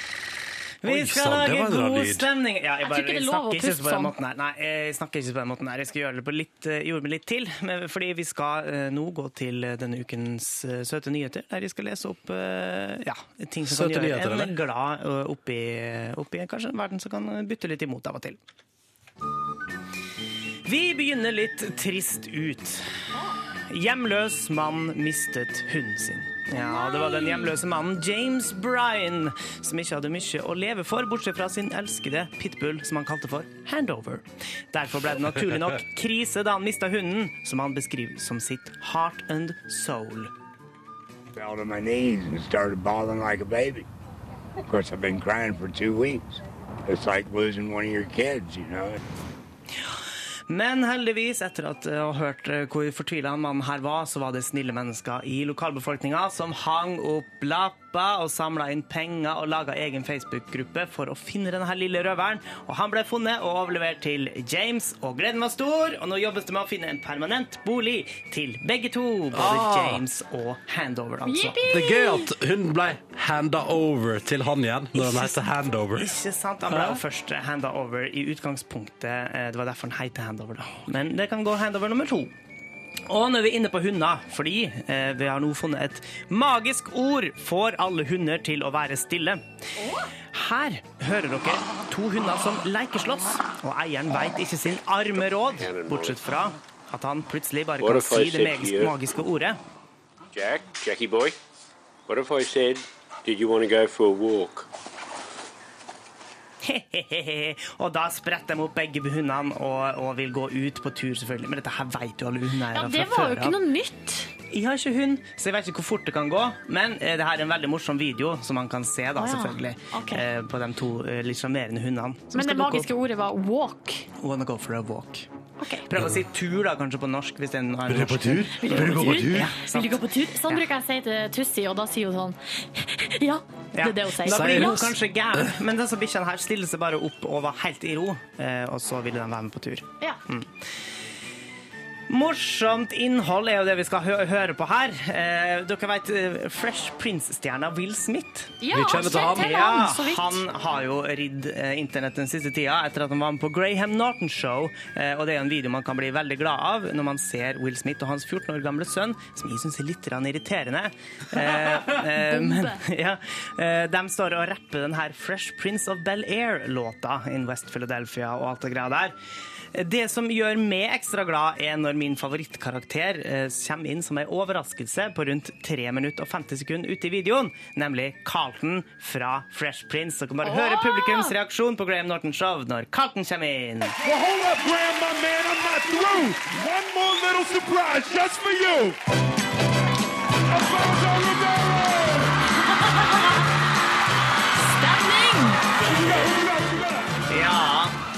Carlton Banks som kommer inn og danser sin eh, velkjente eh, Tom Jones-låt. Eh, og dansen der som, som fortsatt ligger Kanskje de litt stive leddene hans. Jeg vet ikke hvor gammel han har blitt. i.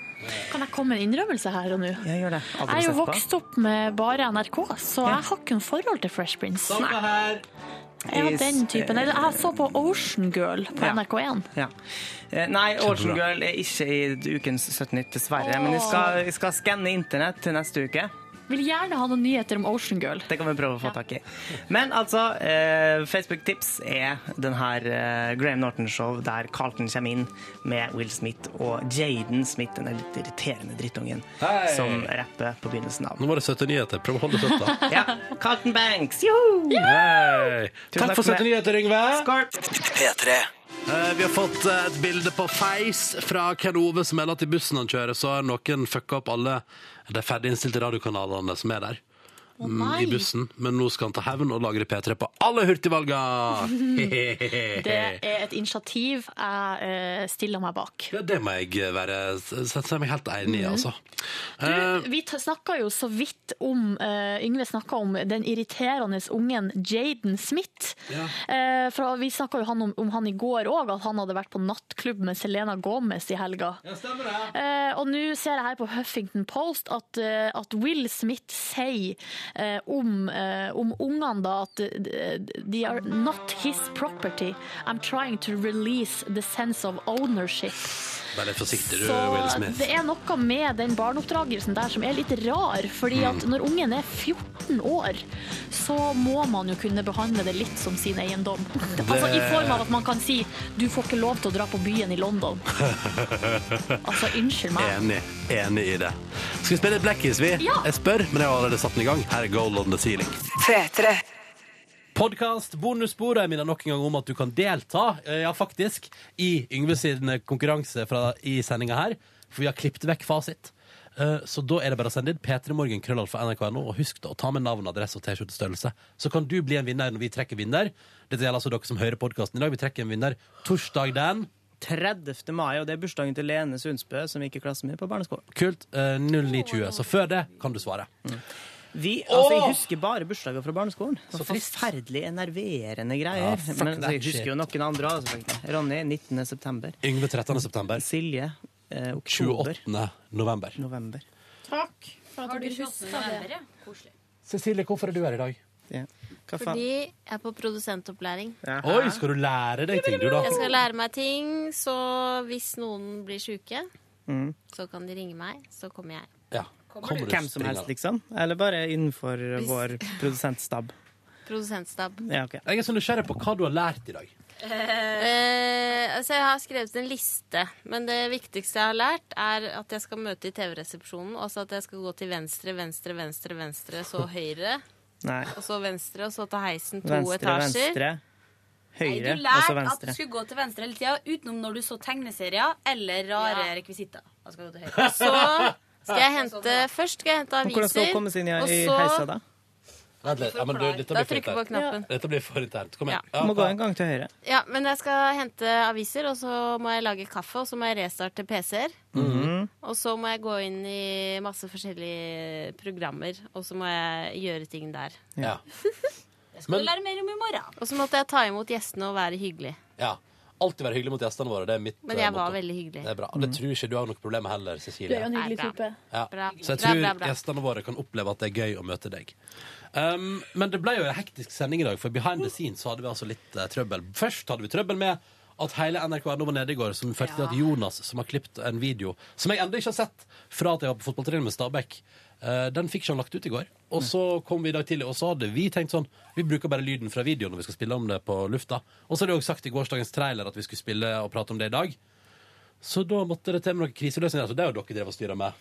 Ja, det ble litt mye styr med det der, men det gikk jo bra til slutt. Ja. Og så streika SMS-innboksen vår. Ja. Eh, Hva skjer med det? Det lurer jeg på. åh, men det er så irriterende.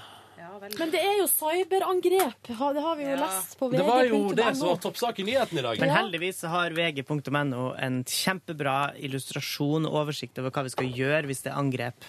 Da er det først Uh, Først panikk. Nei, først angrep. S uh, og det vil si at uh, ruter.no og, og nsb.no sine nettsider er nede. Å nei! Eh, Det er punkt nummer én. Og så punkt nummer to, da er det kaos forstår- i gatene. Så springer alle ut av bussen. Nei, men du, ikke sant? du forstår ingenting, men hvis du går inn på vg.no og ser den saken her, da skjønner du nøyaktig hvordan ting foregår. Var det en foregår. trojansk hest? Mm, det forklarer den illustrasjonen ingenting om, men altså det, hvis det er nede, så blir det kaos i gatene. Og så, når krisen er over, da har de pressekonferanse og forteller at krisen er over. De har, de har, de har lagd et scenario, vg.no, som skal Ja. forklare hvordan det her kan utarte seg. Og det er ganske de bare- lite uh, actionfylt. Ja, og så har de bare hoppa over alle løsninger og hvordan ting foregikk, men bare at når det er ferdig, da er det pressekonferanse. En dag dere, så skal jeg invitere min gode venn Ørjan til å komme til podkast Bonussporet og fortelle om da han som kid på et tidspunkt eh, lærte seg å bruke trojanske hester og fikk sendt inn på datamaskinen til andre. Det er smart. Men Og hva han opplevde da han overvåka datamaskiner til en han hadde sendt en trojansk hest til. For det er en gøy historie. jeg var vikarlærer på Hamarøy. jeg har vært i eh, ulike perioder i mitt liv på barne- slash ungdomsskole. Og Mm. en av de periodene, da eh, var det en sak som, eh, som eksploderte på skolen. For det viste seg da at eh, en, eller var det kanskje to av litt sånn datakyndige gutter i 10. klasse, Mm. hadde installert sånn her spyware Ja. på alle datamaskinene. Sånn at de fikk passordet til alle sine kontoer. Oi. På altså, Facebook, på, og det var, her var på Nettby. I Ja. den tida der, Og på mailkontoer. De hadde tilgang det til høres alt. drøyt ut, Ja, altså. du, du, det var veldig drøyt, og de to guttene ble utestengt fra datarommet ut året. Oh, ja, det var- det var- det, var med en, det var med en lås, en nøkkel og en lås, som de ikke kan bare chippe seg gjennom, eller hva man Det gikk jo hakke utover, seg innover. eh, gikk jo utover skolearbeidet, da. Men det er ganske, for det er en ganske heavy crime, egentlig. Ja, og så det var det eneste krise. det førte til, var utestengelse fra Nei, du, det var noe mer der, men Ja. det, eh, det tror jeg ble tatt internt. internt. Det var ikke noe som vi andre liksom hadde noe med å gjøre. Vil dere høre hva jeg gjorde på i går? Ja. Kult! Eh, I går så var jeg først på jobb, og så skulle jo jeg da på den strabasiøse treninga hos Stabæk sitt A-lag. Og der, Silje Nordnes, hadde jo vi en noe turbulent opplevelse. Jeg, du og fotograf Jonas. Ja, det var Vi- artig, syns jeg, da, for jeg fikk latterkrampe. Ja, det forstår jeg, fordi vi tok først en taxibil til avtalt sted. Utetrening. Koslebanen. Ja. Så kom vi dit, og der er det en gjeng som trener. Vi vet ikke helt hvem de er, men han eh, som er treneren der, sier iallfall Nei! Stabæk de trener på Nadderud, og vi skal stikke nå, så dere kan få sitte på ned dit. Og vi tenker sånn, ok?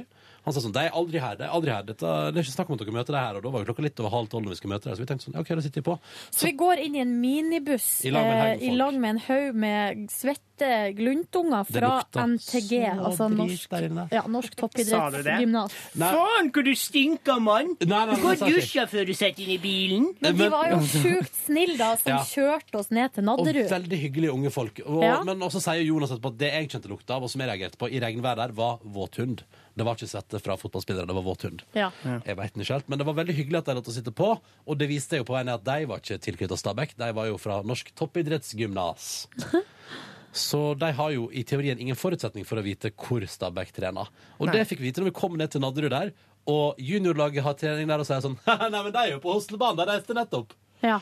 Så da tenker vi sånn Fuck our life. Ja. Eh, men Lives. så- eh, og så sa vi jo, jeg er litt sånn, det her, er- det her kalles kvinnelist.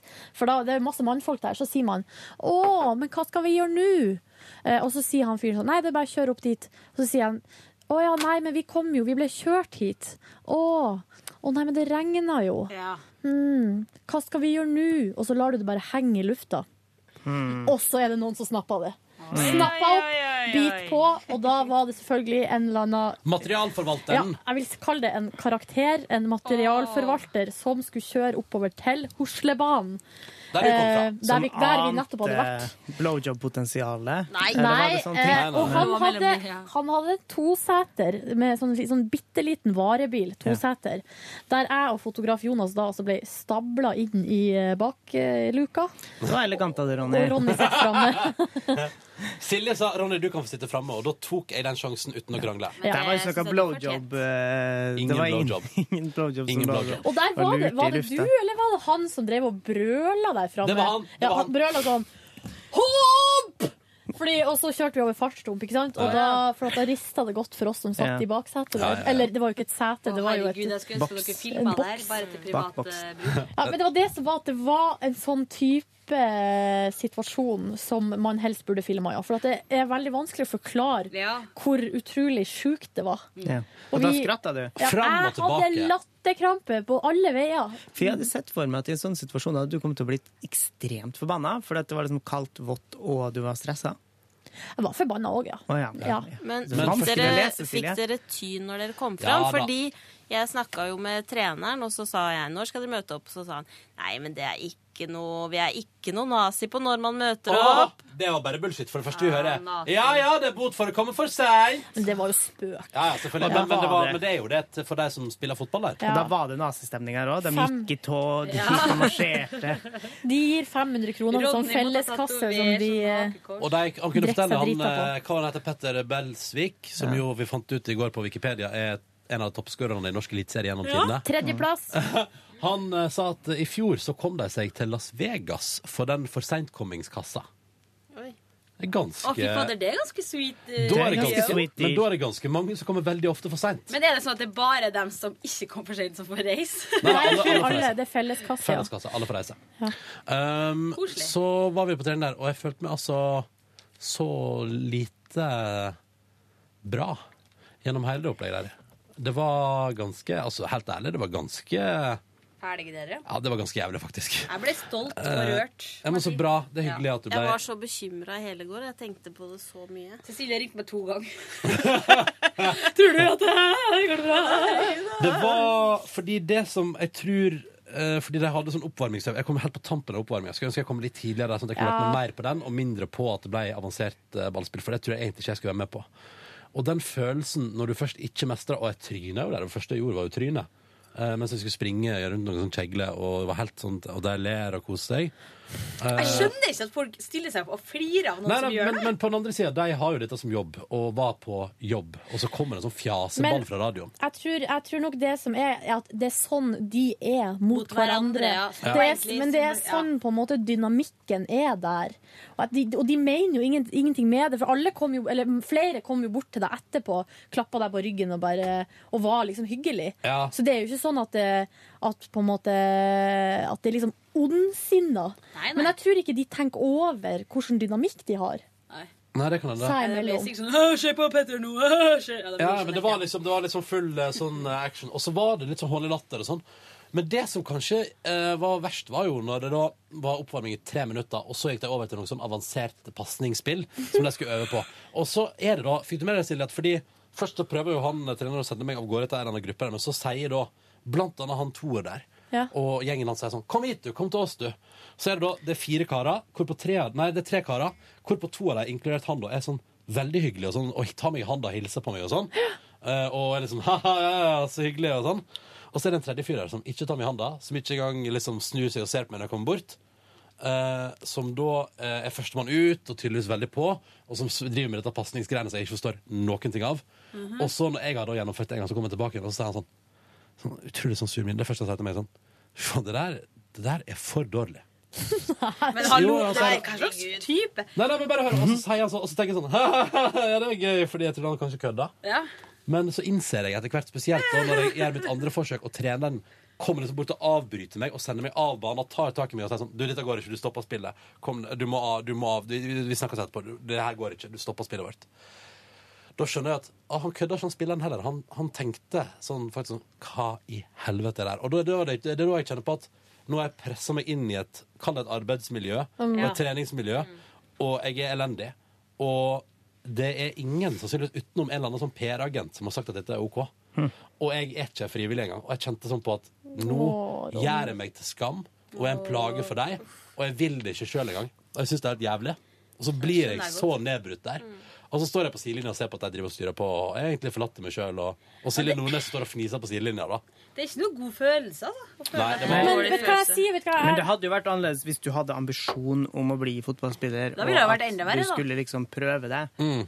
Ja, da hadde det vært helt krise. Ja. For det hadde jo vært litt rart hvis de sa var, at du var det var, kjempeflink. da var jeg altså så nedbrutt der at jeg syntes det var rett og slett beint fram ganske så jævlig. Og sånn psykisk jævlig. Det var sånn, ja ja. Og så er det sånn Ja, du trenger vel ikke mer oppvarming, du? yes. Men jeg kjenner meg litt igjen i følelsen av av udugelighet. For da jeg gikk femmila oppe i Holmenkollen, så Mm. var det jo litt sånn det, jeg, jeg følte egentlig på akkurat det samme. For i forkant så var det sånn Ja, ja, det blir kult det her, og ja, det blir bra, liksom. Det skal vi Mm. gjennomføre. Kommer opp der, får på sånn proft utstyr som er på en måte litt sånn hån mot. Ja. Og så fikk jeg på meg sånn gul ledertrøye til hun Kowalczyk, og så, og så møter jeg liksom hun mm. og går jævla sakte i løypa, Ja, og, sånn, så, ja. og folk kommer eh, og liksom må og jeg må på en måte flytte meg for dem. Og, det, og sånn var det jo. Det her er jo sånn som dere ikke så, men som jeg kjente på i fem mil. Ja. At jeg gikk i veien, og så datt jeg, og så måtte jeg røyse meg meg opp, og så, eh, og så føler man seg som en idiot i sånn herre Swix-dress og gul Men kan jeg si en ting om det, for jeg tenkte litt på det i går, faktisk. Jeg reflekterte litt over de fem mil i forhold til det der. Forskjellen er uh, at uh, der oppe, hele apparatet som har ledelse der oppe, og alle de frivillige som jobber med altså alle, ok, Så var det kanskje noen proffe skiutøvere som ikke likte deg, men hele det apparatet rundt der Ja, de heia på deg, og, var så, og så var de ekstremt opptatt av hvordan det gikk med deg. Mm. De brydde seg så voldsomt om deg. Han ledelsen der, han som liksom hadde verdenscuprenn om tre dager, eller to dager, som hadde altfor masse å gjøre, tok seg hva var det, tre-fire scooterturer i løpet av dagen. Mm. Bare for å finne deg i løypa og motivere deg. Og det er en sånn derre det, var sånn, det, det skal du tenke over og tenke sånn Det må du sette pris på, da, for det, det var ganske awesome gjort av deg. Ja. Og selv om det gikk treigt med deg, og sånn, så var det sånn Altså, De var der til du var ferdig, og de heia på deg hele veien, de folka rundt i alle fall. Og da kan det være at det er liksom Ja, kjipe men du, de sto jo i løypa rundt og bare Ja, hvor mange runder har du gått nå, da? Men de brydde seg. Ja, og så var det sånn Nei, altså, hvor mange har du igjen? Nei, jeg har fem av seks runder igjen. Åh! Ja, det er kanskje ikke så Ja, ja, de brydde seg. Men hvis vi skal psykoanalysere han der som da var, tok, var litt uh, kjip der eh, Nei, nei, alle var, alle var Ja, ok, alle var Eh, kjipe, da. Men så- hvis vi skal Nei. psykoanalysere Tror dere Silje, alle var- ja. ja. Men, altså, men hva hadde du forventa, egentlig? Jeg tror Sånn- kanskje jeg hadde i hvert fall forventa at det ikke kom som et så voldsomt sjokk på deg at jeg var så elendig, Ja, og sånn, at ja. jeg kanskje var Jeg veit vet ikke. Jeg, eh, altså, på en måte ehm, det, Jeg hadde forventa at jeg ble gjort til latter, at det var håndlig latter. sånn, Det var greit. Men Mm. at jeg på en måte ble så fort så oppgitt over meg, det hadde jeg kanskje ikke.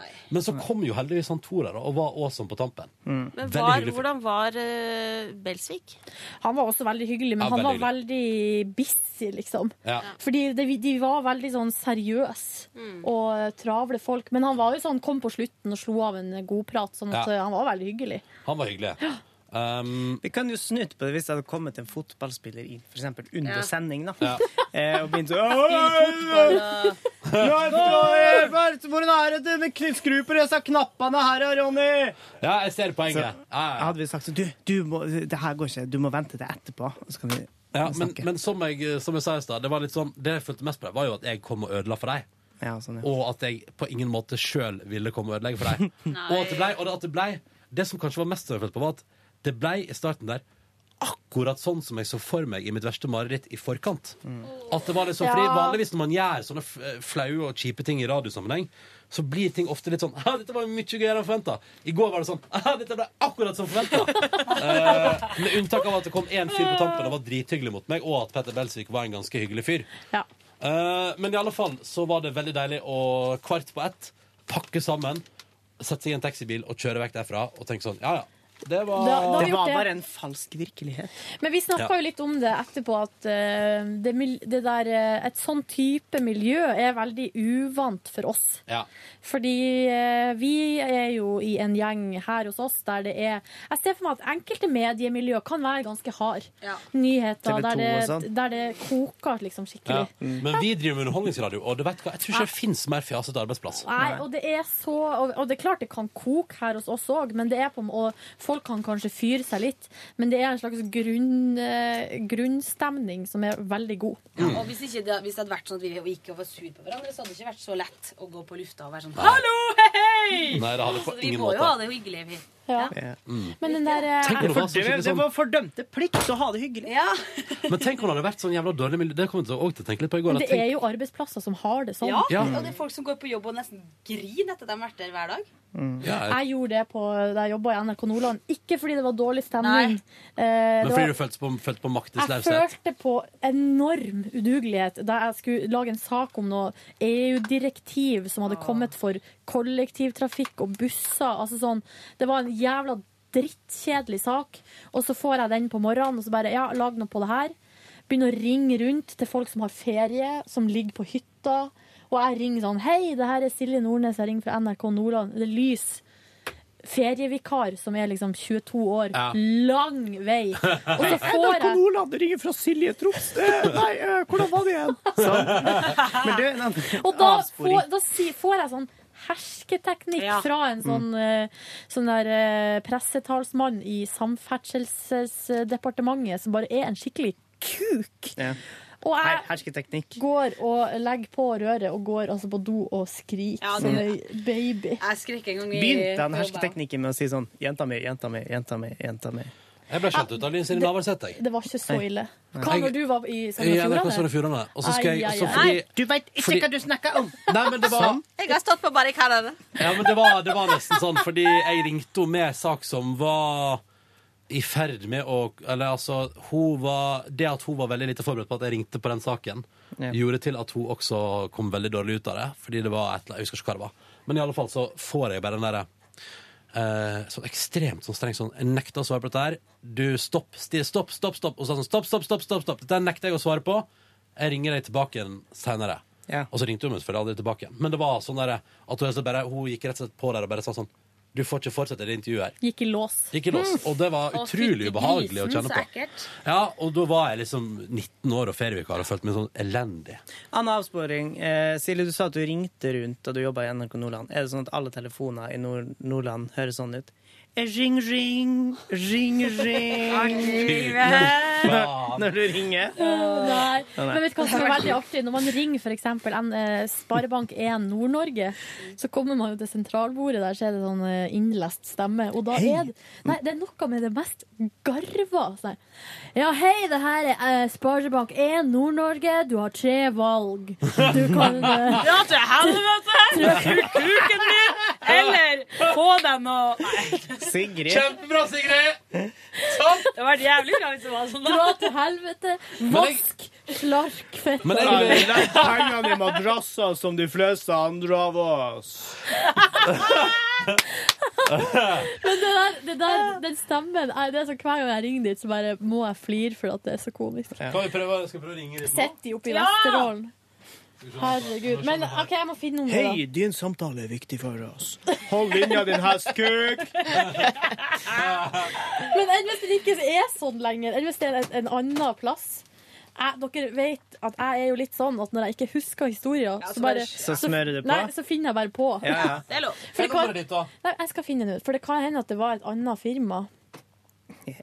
Hadde vært pinlig. Men jeg tror det er For jeg vet ikke hvilket annet firma jeg driver og ringer i Nord-Norge. Nei. Her, vet du. 02244. Er det SS, SNR? Kundesenter. Hva gjør du hvis de tar den? De tar den jo nå. Det er jo midt i det tida. Bank 1 Nord-Norge. Ja. Du vil nå få tre valg.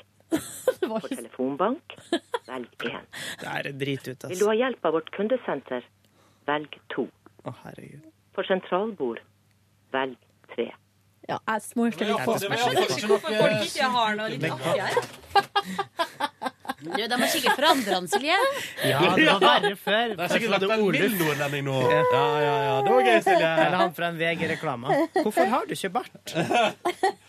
Men er det, eh, har, er, har det ingen andre som har kjent på å jobbe i dårlig Oi, arbeidsmiljø? eller- Å, jo, altså, jeg ble jo analfista av Nadia Hasnoi da jeg jobbet som I sommertid. ja. Sommertid. Nei, jeg ble faktisk eh, e-post tatt av journalisten Elisabeth Norheim. For hun var kommunikasjonssjef eh, på Kollenfest, der jeg skulle ha kontakt med.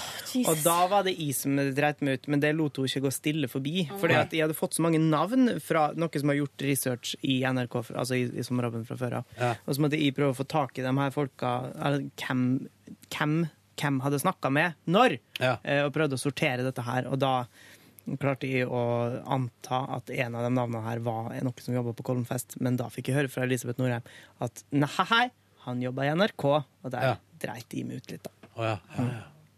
Ja, jeg jobba jo i lokalavisen og skulle lage portrett Men det ble god stemning etterpå. Ja, det var bra. Veldig god stemning. Nei da. Fortell, Sigrid. Neida. Fortell. Ja. Neida. Eh, nei, jeg jobba jo i lokalavisa, og så skulle jeg lage portrett om en fyr. Og så eh, ville jeg gjerne ha noen bilder fra da han var barn. Så sa Ja. jeg sånn, kan du, har du kunnet ha sendt over det? Og så fikk, eh, så fikk jeg liksom aldri noe svar på mail. Sendte jeg mail igjen. da, Kan du være sånn, sende meg de bildene hvis du har det? Ja, nei, da må jeg stikke til mor mi, og det blir mye styr, og bla, bla. Ja. Vet ikke om jeg rekker det. Så sa jeg sånn, OK, men eh, du kan jo se om du rekker det, da. Og så send meg en mail hvis du rekker det. Og så sendte han meg aldri noe mail om at han prøvde å få til det der, da. Og så plutselig fikk jeg mail med noen bilder, og så var det for seint. For det hadde gått i trykken, saken. Ja. Og det kan jo at det var litt dårlig kommunikasjon der, men da jeg da ringte opp og sa sånn, beklager, altså, men det fikk de ikke med fordi den har gått i trykken, og det er for seint. Så fikk jeg en eh, reprimande, det er heter, når folk Ja. klikker i vinkel og bare 'Det her skal du ta til deg for videre når du skal bli journalist!' Og det, Wow. og det var det der med å, det må du ta til deg. Så tenkte jeg ja, Hva da? må jeg egentlig det? Du må begynne å svare på mail, din Ja. fuckface. Som, var veldig sint. Som jo var det du svarte. Han jeg tror han Um, også sa sånn 'Jeg gidder aldri å stille opp på noe mer hvis det er du som er Oi sann. Herlig. Flaks for deg da, Sigrid, at, du, at ikke denne personen ødela for dine videre jobbmuligheter i f.eks. NRK. Ja. Mm. Da satt jeg jo sammen med to av sjefene mine rundt et sånt bord. Jeg var den uheldige sommervikaren som måtte sitte der fordi Ja. det ikke var med flere ledige plasser. Jævlig digg. Og da bare kjente jeg hva gjør jeg nå? Snur meg rundt og griner eller går ut en liten tur og griner litt. Så gikk jeg på do, skreik litt, tørka tårene, så normal ut igjen og gikk inn og sa sånn Jeg var litt uhyggelig i den telefonsamtalen. Ja. Cecilie, du har bare jobba på hyggelige plasser, du. Nei, jeg har veldig dårlig arbeidsmiljø. Jeg jobba i slipsbutikk på Gardermoen. Er det sant? På, På på Tyrac? På Tyrac, ja. Yes. På Tyrac, og da, men jeg jobba Jeg var aleine, men elektrobutikken på andre siden av liksom den midtpassasjen der, de Ja. var så sure. Oh, ja. Så de ringte til da sjefen og sa at jeg var dårlig. Og at Nei. jeg gikk med skatesko på jobb. Det var ikke lov. Jeg skulle gå med pensko. De sladra på deg, rett og slett. De sladra, og så sa de at jeg så sur ut. Og så at det så ut som jeg skulle sovne. Så fikk jeg sparken. Er det sant? På, basert på den telefonsamtalen? Basert på elektrobutikken på Gardermoen. Å, fy faen! Aldri handle i Jævlig Electronics-butikken på Gardermoen. Det Nei, burde du ikke gjøre men det er uansett, på for det er Innland. dyrt. Det er dyrt, det er dyrt. På det er dyrt. Innland? På Innland. Utland, der er de sikkert Men så ut råhyggelige. som du sovna? Sovna litt. Det var med andre ord berettiga. Nei, men Men herregud. arbeidsmor... Altså, Jeg sier bare- kameratskapet innad på Gardermoen, jeg trodde det var for Sikkert topp. jeg. eh, Kan jeg bare si at jeg ville aldri sparke noen basert på en telefonsamtale? Å ja, du sier at Å ja. Det kan Tenk deg hvis Sigrid ringte til sjefen vår og sa sånn bare sånn, jeg er så lei av å jobbe med Ronny. Så ringer hun til sjefen vår og sier sånn Ronny er så kjip på kontoret, sovner hele tida. Det stemmer jo for så vidt. det gjør det. Eh, og jeg bare ser sur ut og går med skatesko på jobb. fyken, ja. ja, ja. Og så sier sjefen sånn spydde litt på skoen sin Ja. helg. ja. Og så sier sjefen sånn Sier du det, Sigrid, at han er en dritt på jobb? Da må vi sparke han. Og så, og så er det- har jeg egentlig ikke gjort noen av tingene, men Sigrid bare har hatt Jeg skjønner det. Er veldig rart! Tenk, tenk hvis det funka sånn, da. Da har du fast jobb, og jeg er ikke fast jobb, så hadde jeg bare kunnet pælme ut masse folk med fast jobb. i Ja, bare ringe rundt i redaksjonen i NRK og få folk med fast jobb sparka sånn at du kan få jobben deres. Ja. Etter at jeg hadde vært på trening i går, så reiste jeg hjem igjen. Litt, eh, vi tok en Vi er fortsatt på dagen din. ja, og hoppa av den. Og så eh, skulle jeg det er bare rekord. Hm? 26 minutter, det er rekord. Vi har, vi har spora Ja, det. Ja, ja. Og jeg satsa på at den praten vi spora av på, Ja, også ja. var underholdende. Alle var med på. Men det bør du passe på, Yngve. Um, hoppa av, uh, gikk hjem og skulle bare legge meg nedpå litt. Grann. Hoppa av bussen i fart, eller? Mm, taxien. Hoppa av i i den så stille. Ja. Rakk å Um, betale. og så sovna jeg, og våkna jeg klokka åtte. Altså. Da var mobilen min utlada for batteri. Uh, og jeg var sånn, hvor er jeg? Så da sto jeg opp, gikk på butikken og panta fem poser med flasker. Flasker! Vant ikke på pantelotteriet, kan bare melde om det. Så der, Ai, ai, ai. Men gratulerer, Kors. Der fikk dere 76 kroner av meg. Og Reitan-gruppen gnir seg sjøl i skrittet. Skal jeg love deg at det er. Og så eh, lagde jeg meg raspeballer og så Paradise Hotel, altså. Og så var Paradise Hotel så spennende i går at jeg så kveldens og morgendagens episode også. Nei! Så spennende. Ikke si 70 noe. raspeballene i halsen. Så jeg har sett hvem som ryker på torsdag. Da kan du si Oi, altså. Når er finalen, Og egentlig? det er gøy, fordi jeg kan bare røpe allerede nå Det er ingen spoiler på et vis, men eh, torsdagens episode er altså bygd opp som en episode av 24. Med sånn klokke som går, og masse små ruter, og drama. Og så går liksom La oss si at det er ei rute der to sitter og prater. Og så reiser den ene seg, og så ser du ned i den andre ruta to andre sitter og prater. Og så kommer den ene personen forbi og inn i den andre ruta. Altså, det er helt Texas. Jeg elsker når de gjør seg litt ekstra flid Ja. med litt konsept. Men eh, Den torsdagsepisoden hadde jeg gjort seg så flid med at den versjonen jeg så, var ikke ferdig. Litt urolig av den smittegreiene. Jeg ble stressa av det. Gikk ikke 24 på torsdager? Det vet jeg ingenting om. Tror Mandag, Jo, det Tror tror, jeg Tror. Nei, mandager tror jeg det gikk. Ja, nok ok. det som var tanken. 21.40. mandager, dramadagen. Men ehm, eh, jeg syns at eh, det der er- når det blir sånn Det syns jeg er skikkelig slitsomt. er. Og så syns jeg at det er skikkelig trist at ikke Christian René er med mer, fordi Kan jeg bare si en ting? På, Ja. Beklager, nå, det her er, nå skal jeg prøve å unngå spoiler, men det er så gøy, for det siste som skjer i, Jeg vet hva, det er litt spoiler, faktisk. Nei, jeg er likevel. På torsdag det må vi klippe ut og bruke Peter i morgen. Fordi det siste som skjer på torsdag, er at et par ligger i senga si etter at all ståheien har roa seg, og mørket senker seg over hotellet, og så kommer det på litt sånn skummel musikk, og så sier den ene i dette paret Tenk om Christian kom inn igjen. Jeg er så redd for at han kom inn igjen. Og så den andre han kan jo ikke sjekke inn for fjerde gang. Nå fikk jeg frysninger. Og så, og så ser vi hotellet overfra, og det er mørkt, og så ligger det sånn skummel musikk under. Og sånn slutta denne veka på Paradise Del. Betyr det at det er Tina som går ut, da, eller? Jeg sier, jeg sier ingenting. Ingenting. Men jeg Men jeg må si at uh, actionmessig så har jo denne uka liksom, det, er jo, det, var, det var jo til og med sak på seher.no eh, og på vg.no, tror jeg, eller var det Dagbladet, om at de krangla jo så djevelsk en kveld der. Ja, det er vel er det, Var det i går, eller er det i kveld? Nei, det var i går. Ja, ja det klikka totalt, det. Så jeg, det syns jeg er bra, da, når all dritten For de går jo bare rundt der og snakker dritt om hverandre, og plutselig Og så kommer fortsetter. alt fram i lyset, og det er jo deilig. Mm. Det Men det, det var min eh, kveld i går. Uh, Raspeballer av Paradise Hotel. Fortelle to uh, høydepunkt som skjedde i går. Ja. Det var at eh, vi lagde tomatsuppe. Wow. Første gang, ja, første gang jeg laga tomatsuppe. Fra bunnen av? Ja.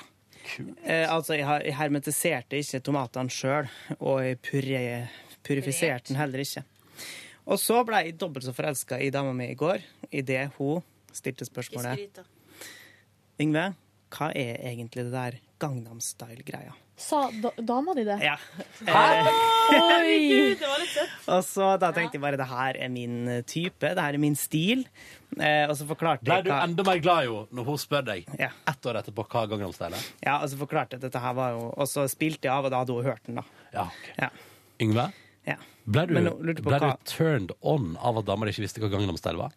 Nei, altså det går djupere. Altså det, det blir mer en sånn definerende greie, eh, som er mer at eh, vi kan eh, Altså at hun kan la være å bry seg La være å la seg påvirke av slike ting.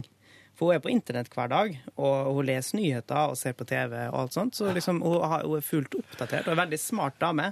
Men veldig hun, hun er ikke Det betyr ikke så mye for henne. Kan ikke du fortelle det det hadde sa da det skulle komme en artist til Trondheim? Jo, eh, og hun siterte, altså hun refererte til den eh, like etterpå. da. Hun Ja. sa at det var så dårlig Det her er noen år siden, da. Eh, Det var så dårlig booking på uka eh, i år. Fordi den eneste de hadde fått tak i, var han der JAY-Z.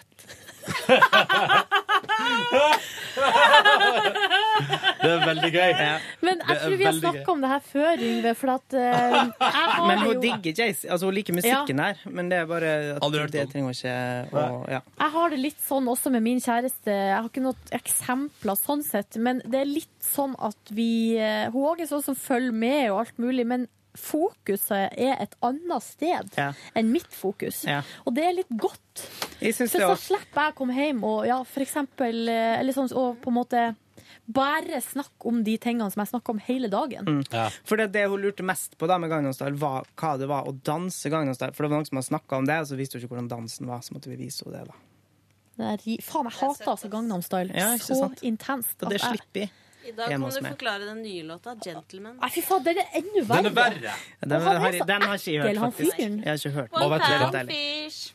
Og vet du hva? Hvis, jeg vil ikke Jeg vil ikke, jeg vil ikke. All right, men så gøy. Det høres ut som du hadde en fin opptur i går. Tomatsuppe og Gangnam Style. Skal jeg dra gjennom min dag som var jævlig dritt? Nei, oi, Silje, da. Eh, fordi etter at eh, vi hadde vært på Stabæk Det var koselig, Dreit da. du ut? Ja, etter jobb var det drit. Ah, ja. Fordi vi dro hjem ganske Eller vi var jo for en gangs skyld hjemme ganske tidlig fra jobb. Ja. Det var deilig. Jeg hadde gleda meg veldig masse til å lage ostesmørbrød av matpakken min. For den For rakk, den rakk prata om Den siste halvtimen vi var sammen, prata kun om ostesmørbrød. Veldig koselig. Men, og bare sånn, når eh, jeg kommer hjem, skal jeg lage ostesmørbrød. Ostesmørbrød, ostesmørbrød, ostesmørbrød. ostesmørbrød. Ja, for at jeg rakk ikke å lage det eh, Altså, jeg rakk ikke å spise matpakken min på jobb, så da tenkte jeg nå kan jeg ta de tørre brødskivene med skinke, Smell på noe ost, og så blir det ostesmørbrød. Kan jeg bare begynne nå, eller si før jeg begynner, at jeg har masse elementer av kjempefine høydepunkt, Ja. men dagen til, til sammen dritt. Ja. Men jeg spiste noe ostesmørbrød, det var digg, så på Rested Development, det var koselig. Så sovnet jeg litt på sofaen, og gikk eller kanskje bare noen få minutter, og så dro jeg på, no på sykkeltur. Oi! Jeg liker å sykle. Jeg Ja. liker det godt. Ja. Så jeg dro, eh, sykla meg rett og slett bare en tur på måfå. Rundt omkring i byen. Hørte på Sigrid Bonde Tusvik og Lisa Tønne sin podkast, der Sigrid fortalte at hun har operert eh, slufsa si. Så det eh, var en liten, liten tease der. Nei, før det. Så det var jo artig. Og så dro jeg sykla til Grünerløkka og kjøpte meg en frappuccino. Det Oi. liker jeg òg veldig godt. Så hvordan kan dette ha gått Nei, dit? Også, det er det som er så rart. Så sitter jeg liksom i sola der og drikker frappuccino alene, og så legger det seg altså et mørke over sinnet mitt ja, som, som var sånn Jeg har faen ikke noe liv. Jeg har ingen altså så, Og jeg, jeg vet, jeg har venner som hører på podkasten her, og jeg har veldig mange gode venner, men jeg er altså så dårlig på å være sosial. For at jeg har ikke eh, overskudd til å ta initiativ, og derfor så blir det sånn som det der, da. Ja. At jeg sitter alene på Grünerløkka og ser på at alle har det så artig i lag, og så sitter jeg der Men alene. alle dager. Trodde du skulle si at været kommer, for det kom ut sånn plutselig. Ja, det gjorde det òg. Så sykla jeg hjem, og så var liksom eh, kjæresten min innom i ett sekund, og vi sa hei, ha det, for hun skulle videre ut på noen greier. Så jeg vaska kjøkkengulvet. Og det òg var sånn som kunne fylle meg med mestringsfølelse. Men det var bare dritt. Og så, etter at jeg hadde gjort det, og dusja og sånn, så lå jeg på sofaen og venta på Paradise og bare tenkte sånn Fy faen, for et liv! Det er det verste. Og, og på et tidspunkt så lå jeg bare der uten å Det var ikke noe mobil, ikke noe bok, ikke noe avis. Jeg bare lå og så opp i taket og liksom tenkte sånn. Skal det begynne snart? Altså, Du hadde en liten depresjon i går. ja, det var skikkelig Det var, ja, det var skikkelig nede, liksom. Kanskje det er PMS? Kanskje. Jeg ville bare antatt det, men da hadde jo kommet til å blitt skutt i trynet av Nei, nei, samtlige her. Det må være lov. Og det er en kjensgjerning, det at det kommer et mørke og legger seg. Ja. Men nei, så PMS-mørke. Ja, og så eh, etter Paradise så satt jeg oppe og så på TV til klokka var tolv. Det var jo helt idiotisk, fordi at jeg får jo ikke sove når kjæresten min ikke kommer hjem. Lå og vrei meg i senga til klokka var halv to. Da fikk jeg SMS. Eh, og så uh, sovna jeg vel etter hvert. Våkna da hun kom hjem klokka fire i natt. Hva drev hun til fire, da? Hun hadde vært ute på byen. Hadde vært på byen, hun, ja. Og da var det slamring med dører og pizzastaking og full rulle. Og en time til du skulle opp. Ja. Og jeg måtte si sånn, du, nå er det en time til jeg skal stå opp. Så nå må du være stille. Oh. Men det gikk fint, altså. Men det er derfor jeg kanskje har Lukta litt, deilig av pizza når du sto opp i dag tidlig, da? har litt kort lunte. Du vet hva jeg gjorde, og det, det satt jo standarden for denne dagen, kan man si. Ja. Tok et stykke, putta det i matboksen, og så spiste jeg det på bussen. Ok. For du Hva slags pizza virker veldig happy i dag, da. Ja, det er Ja, men jeg har litt kort lunte i dag. Nei. Har du det? Har jeg ikke det? Nei, jeg har ikke merka det. Nei, nei, nei, nei, på, I dag har jeg faktisk- I dag har jeg faktisk ikke merka at du har kort lunte. OK. Eh, Hva pizza var det? Hva pizza var det? Du, det er vår favoritt, Dr. Økter Økter Ødker. Med spinat. Og den er god. Eh, Ja, ja, sånn kan Men du er så trist da, Silje. Du skal få en klem etterpå. hvis Det, det Silje. Noen dager er grå. Dere, jeg vaska klær òg i går, så jeg gjorde jo jævlig mye. Men tenk så mye enklere enn de andre dagene. Så slipper du å vaske gulvet, slipper du å vaske klær. Sigrid og Dager Cecilie. finnes i alle farger. Dere var over i lag, så dere er jo Ja, vi var jo Hipp. det. Vi var hjem. Vi kan ta en felles. Ja, men var dere sammen i går? annethvert Ja. ord. Si annethvert Jeg ord. kan bare si Jeg satt ganske lenge på jobb, for jeg hadde veldig mye å gjøre i går. Ja, Hvordan gikk det med deg? Eh, det gikk bra, og så var jeg veldig bekymra for deg, Ronny. At det gikk så utover min syke. Jøss. At jeg tenkte så mye på deg. Og jeg vurderte å bake noe. Men jeg fikk ikke tid til det, så jeg, i morgen skal jeg skal jeg bake eh, horn med ost og skinke. Nei! Å, Oi. fristende. Og ta med. Drit i skinke, da. Drit i Jeg var i skinke. hvert fall på trening. Hvorfor liker du ikke skinke? Det Hvorfor er liker du- beyond mye, Men da kan jeg altså. lage et horn med bare, noe med bare ost, da. Ja, Liker du det? kan jeg få det? Ja, han, liker du Han det? er sånn elitedude, så han liker serrano-skinke. Så det kan du ha oppi. Men eh, Cecilie, da må du brette inn ostekantene, så den de ikke stikker utafor Ro hornet. Har du slutta med det nå? Ro ned nå. Det blir digg. Hva skjedde så, Cecilie? Og så møtte jeg Sigrid, og så spiste vi tacopizza. Oi, på, på hølet? På hølet. Nei! Så- Hvor var min invitasjon? Du lå jo og sov. Det skjedde veldig impulsivt. Det var bare at jeg var på trening. Ringte Cecilie og så bare ja, 'Skal vi ta en brus?' Ja. Skal vi ta en pizza? Vi tok en debrief. En brus, en pizza. Snakka vi en del om eh, Ronny. Og så hadde de ikke Pepsi Max der, men de hadde Solo. Og så tok jeg Farris, og så angra jeg. Og så hadde jeg tenkt å si kan jeg få en Solo, men så da allerede åpna korken. Ja. Og så gikk vi og kjøpte hver vår is og litt godteri, og så ble Sigrid med meg hjem. Og så lå dere med hverandre. Nei da. Hei! Nei da. Og så var dere der i kanskje Kvarter. Ja. Nei, så kort. Og så Det tar ikke så lang tid, vet du. Og så så jeg Big Bang Theory. Ja, bare én episode igjen til sesongen er ferdig. S- Jeg òg har bare én episode igjen, faktisk. til sesongen er ferdig. Mulig. Du da, Sigrid, var det noe mer fra din dag som du vil trekke fra? Nei, så gikk jeg hjem. Hvorfor var du så kort hos Cecilie? Det Når du lurer jeg først på. var på besøk, Fordi liksom. jeg, var, eh, jeg hadde vært og trena rett før det. Et kvarter, liksom. Jeg skulle egentlig ikke være med, jeg skulle egentlig bare ta en is, og så ble jeg bare med inn. Og så, Og så sa du 'jeg følger deg hjem'. Ja, jeg følger Bor deg du alene, Cecilie? Nei, men jeg har en uh, Ja, du har jo hun, eh, ja, litt Hun artige. jobber på eh, mongobolig, så det var Downs-festival i går, så da Downs var jeg festival? alene hjemme. Hva betyr det? Festival, det er mye greier. Nei, det er bare at hun er på jobb. Og du kaller det dansfestival? Det er dansfestival, og artistfestival er hun også på artistbolig. Jeg tror ikke sånne ting er lov tror å si. ikke det er si. Det høres litt unnskyld, koselig men ut. det hun har det veldig koselig på Ja, jobb, ja, og jeg elsker folk med Downs. Ja. Ja. Så det er ikke ment stygt i det hele tatt. Nei.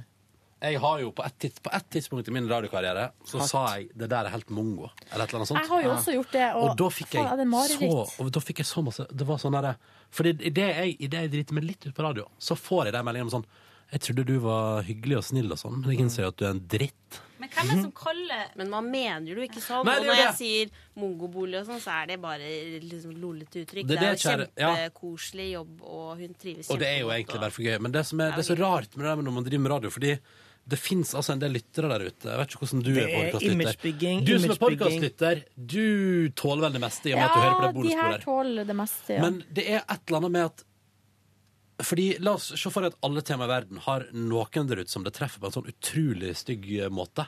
Altså det går sånn, De får sånn vondt i hjertet sitt av det. Sånn at alt du prater om på radio Hvis du er litt feil av og til, så, så, er det, så får du melding. Så, smeller sånn, sånn, så er det sånn, altså Hvis du liksom nevner et eller annet, så er det sånn Ja, eh, kjæresten min døde av det i fjor, så Men det, det er jo vondt. enkelte ting som er sånn triggerpunkt mer enn andre. Ja. For eksempel hvis man skulle legge til å altså La oss si at ei bikkje har angrepet en unge. Hvis du da skulle legge til å si Ta nå og avliv den helsikes bikkja, så ikke hun eter opp flere småunger. får du 50 meldinger fra sinte hundeeiere. Ja, da kommer det hundeeierne. Ikke skyld på hunden. Ja. Bla, bla, bla, bla, bla, bla, bla. Og vet du hva? Jeg har blitt angrepet av en rottweiler, og jeg skal, jeg skal be om avlivning så ofte som jeg bare kan. Det er min rett i livet. Og Ikke skyld på hunden. Han er bare snill. Han følger bare Ja. sine egne instinkt. Skyld på eieren, skyld på eieren. Jo, men det er jeg selvfølgelig enig i, men vi kan jo ikke henrette Nei, eiere. men kødda. Altså, det viktigste er jo at ikke hunder spiser småunger. Nå må foreldra passe på vogn- ungene sine, Sånn så som- de ikke springer gatelangs. Sånn som i Sånn. går når jeg var så dum å være ærlig på at den eh, barn i Kina i barn, Småbarn i rør i Kina-saken, at den ikke overraska meg fordi jeg syns det alltid kommer sjuke nyheter, så vil veldig mange som hører på, Det virker som de vil misforstå meg. mange som har mista babyen sin i do, da, tydeligvis. Ja, har det som sånn sånn, de blir nesten sånn når de liksom kan ta deg på noe. Ja, det er som som de venter på liksom muligheten til å avsløre meg som en drittfyr. eller det tror jeg ikke. Ja, men, det var jo det. Ja, men du, altså, av 250 000 lyttere så fikk vi inn fem meldinger Mm. om at det her trenger vi ikke prate om. Så ja, jo- men så er det sånn, så er det jo av fem meldinger så er det vel, veldig mange flere som har tenkt det. Jeg bare, jeg, av og til er litt sånn, man blir av og til litt sånn Men det var jo redd for å komme også tre som sa sånn Jeg er helt enig, og jeg føler Ja. det samme. Og, men jeg, jeg, apropos den saken, så som, eh, bare for å dra det liksom ett hakk opp, eller sånn, fordi eh, jeg så at det var ei som skrev på Twitter, som er helt uavhengig av vår prat, hadde ingenting med det å gjøre, men som stiller, som stiller følgende spørsmål. Jeg lurer på hvorfor journalisten har valgt å kalle den saken for rørende. For den saken har jo alle mulige nettaviser med ulike ord. Altså blir kalt mirakelbaby. Det her må du se, det er helt utrolig, det er helt vanvittig. Det er over, altså sånn, sånne type ord. Men så har også ordet rørende blitt brukt. Og da er det jo tydelig at den journalisten har jo på en måte fokusert på at babyen er i live, Ja. ikke at foreldre, at noen Å, ja. har stappa babyen ned i do. Så det er jo Så det var ikke kloakkrør? Du trengte ikke at det var et morsomt eh, ordspill? Nei. Nei. Nei. Det For da ville jo liv i sånn- røret, for eksempel, vært, vært uh, mer treffende. Ja. Nei, det er bare, er bare litt sånn interessant hvordan man Velger å se på den ja, Du kan ta en sånn type sak. Altså, du, for å sette det enda mer på spissen, så kan du ta liksom fritsel. Eh, og kan du velge å fokusere på at her har jenta sluppet fri. Eller Mm. velge å fokusere på at her har hun vært eh, betta fast til radiator i 18 år. Altså sånn Du velger ditt eget fokus. Ja, alle velger jo sitt eget fokus, og, men, men journalister velger jo ofte for folk. Mm. Og det er jo der eh, man må være veldig sånn eh, obs på sin rolle, da. Det som sitter igjen i meg fra i går, der, er jo det der med at det er flere som liksom SMS-er mener at jeg framstår som Og det kan godt hende jeg er litt jeg er, Men jeg er ikke overfladisk. Jeg vil ikke gå med på at jeg er overfladisk. Nei, man blir kanskje plassert. Det, det jeg tror liksom, Poenget der er vel at Sånn For min del så har jeg lest saken, men jeg orker ikke å se videoen, fordi at det gjør bare vondt å se Ja, på eh, ja. sånne ting som det der. Og det var det som er poenget ditt, som kanskje ikke alle tok. da. At man, man kan man, Hvis man ja. har alt gå innover seg som står på Nettavisen, så blir man jo et vrak. Men det var jo det som hele vitsen, eller hele grunnen til at jeg tok opp saken i det store og det hele, var jo for at jeg har sett videoen. Mm. Og det som er der, er at når du starter videoen, selv om overskrifta sier at ungen lever og er mirakelbaby, så trykker du på play, og du ser at de sager ned et rør fra oppunder taket, tar det ned. Og du ser at røret blir flytta rundt, rundt, rundt, rundt, og helt til et sju... Altså sånn, det, det skjer Det er et spenn i tid her. Og så må de til slutt liksom plukke røret ifra hverandre i bitte små biter, selvfølgelig, for de kan ikke de kan ikke sage det i to, for da plutselig så skader de jo ungen. Og da sitter du jo, selv om man vet at ungen lever, så tenker man bare sånn Å, herregud, og det her, nei, det her, det her, går, det her går ikke an, det her går ikke an, det her går ikke an. Ja, ja. Og så avdekker de jo liksom ansiktet, og så skriker ungen. Mm. Og så får du et øyeblikk der du tenker sånn Og det, det er jo der miraklet ligger. Mm. Ja. Og det er rørende at uh, ungen er levende Mm. inni det Jeg tror vi må avslutte snart, Yngve sin dag. Ja, Yngve har tatt sin dag. min dag. Sigrid, du må følge med. Ja, sorry. Nå skal vi snart innføre mobilforbud under eh, folks historie her. Altså. Lurer på det. lurer på det. Yngve hadde tomatsuppe og en koselig Ja, historie ja, om det Gangnam husker jeg jo. Style. Jeg, bare, det var, jeg husker jo alt fra det. Jeg bare husker Det er bra du er liksom dirigenten for bonussporet. Jeg føler jo ikke det er det, da. Men Du, vi tar og går og spiser litt eh, mat i kantina. Det er sikkert Suppe, bare Suppe! Å, la det være suppe. kyllingsuppe i dag. Åh. Ja, det er onsdag. Det er jo Jeg skal, blodbærsuppe. skal jeg fortelle dere hva som er low point-dagen i kantina? Tirsdag. Ja, men da har de jo det pannekaker og bacon. Pannekake og bacon. Men jeg kan ikke spise det lenger fordi at jeg blir sjuk av det. Ha det bra! Ha det!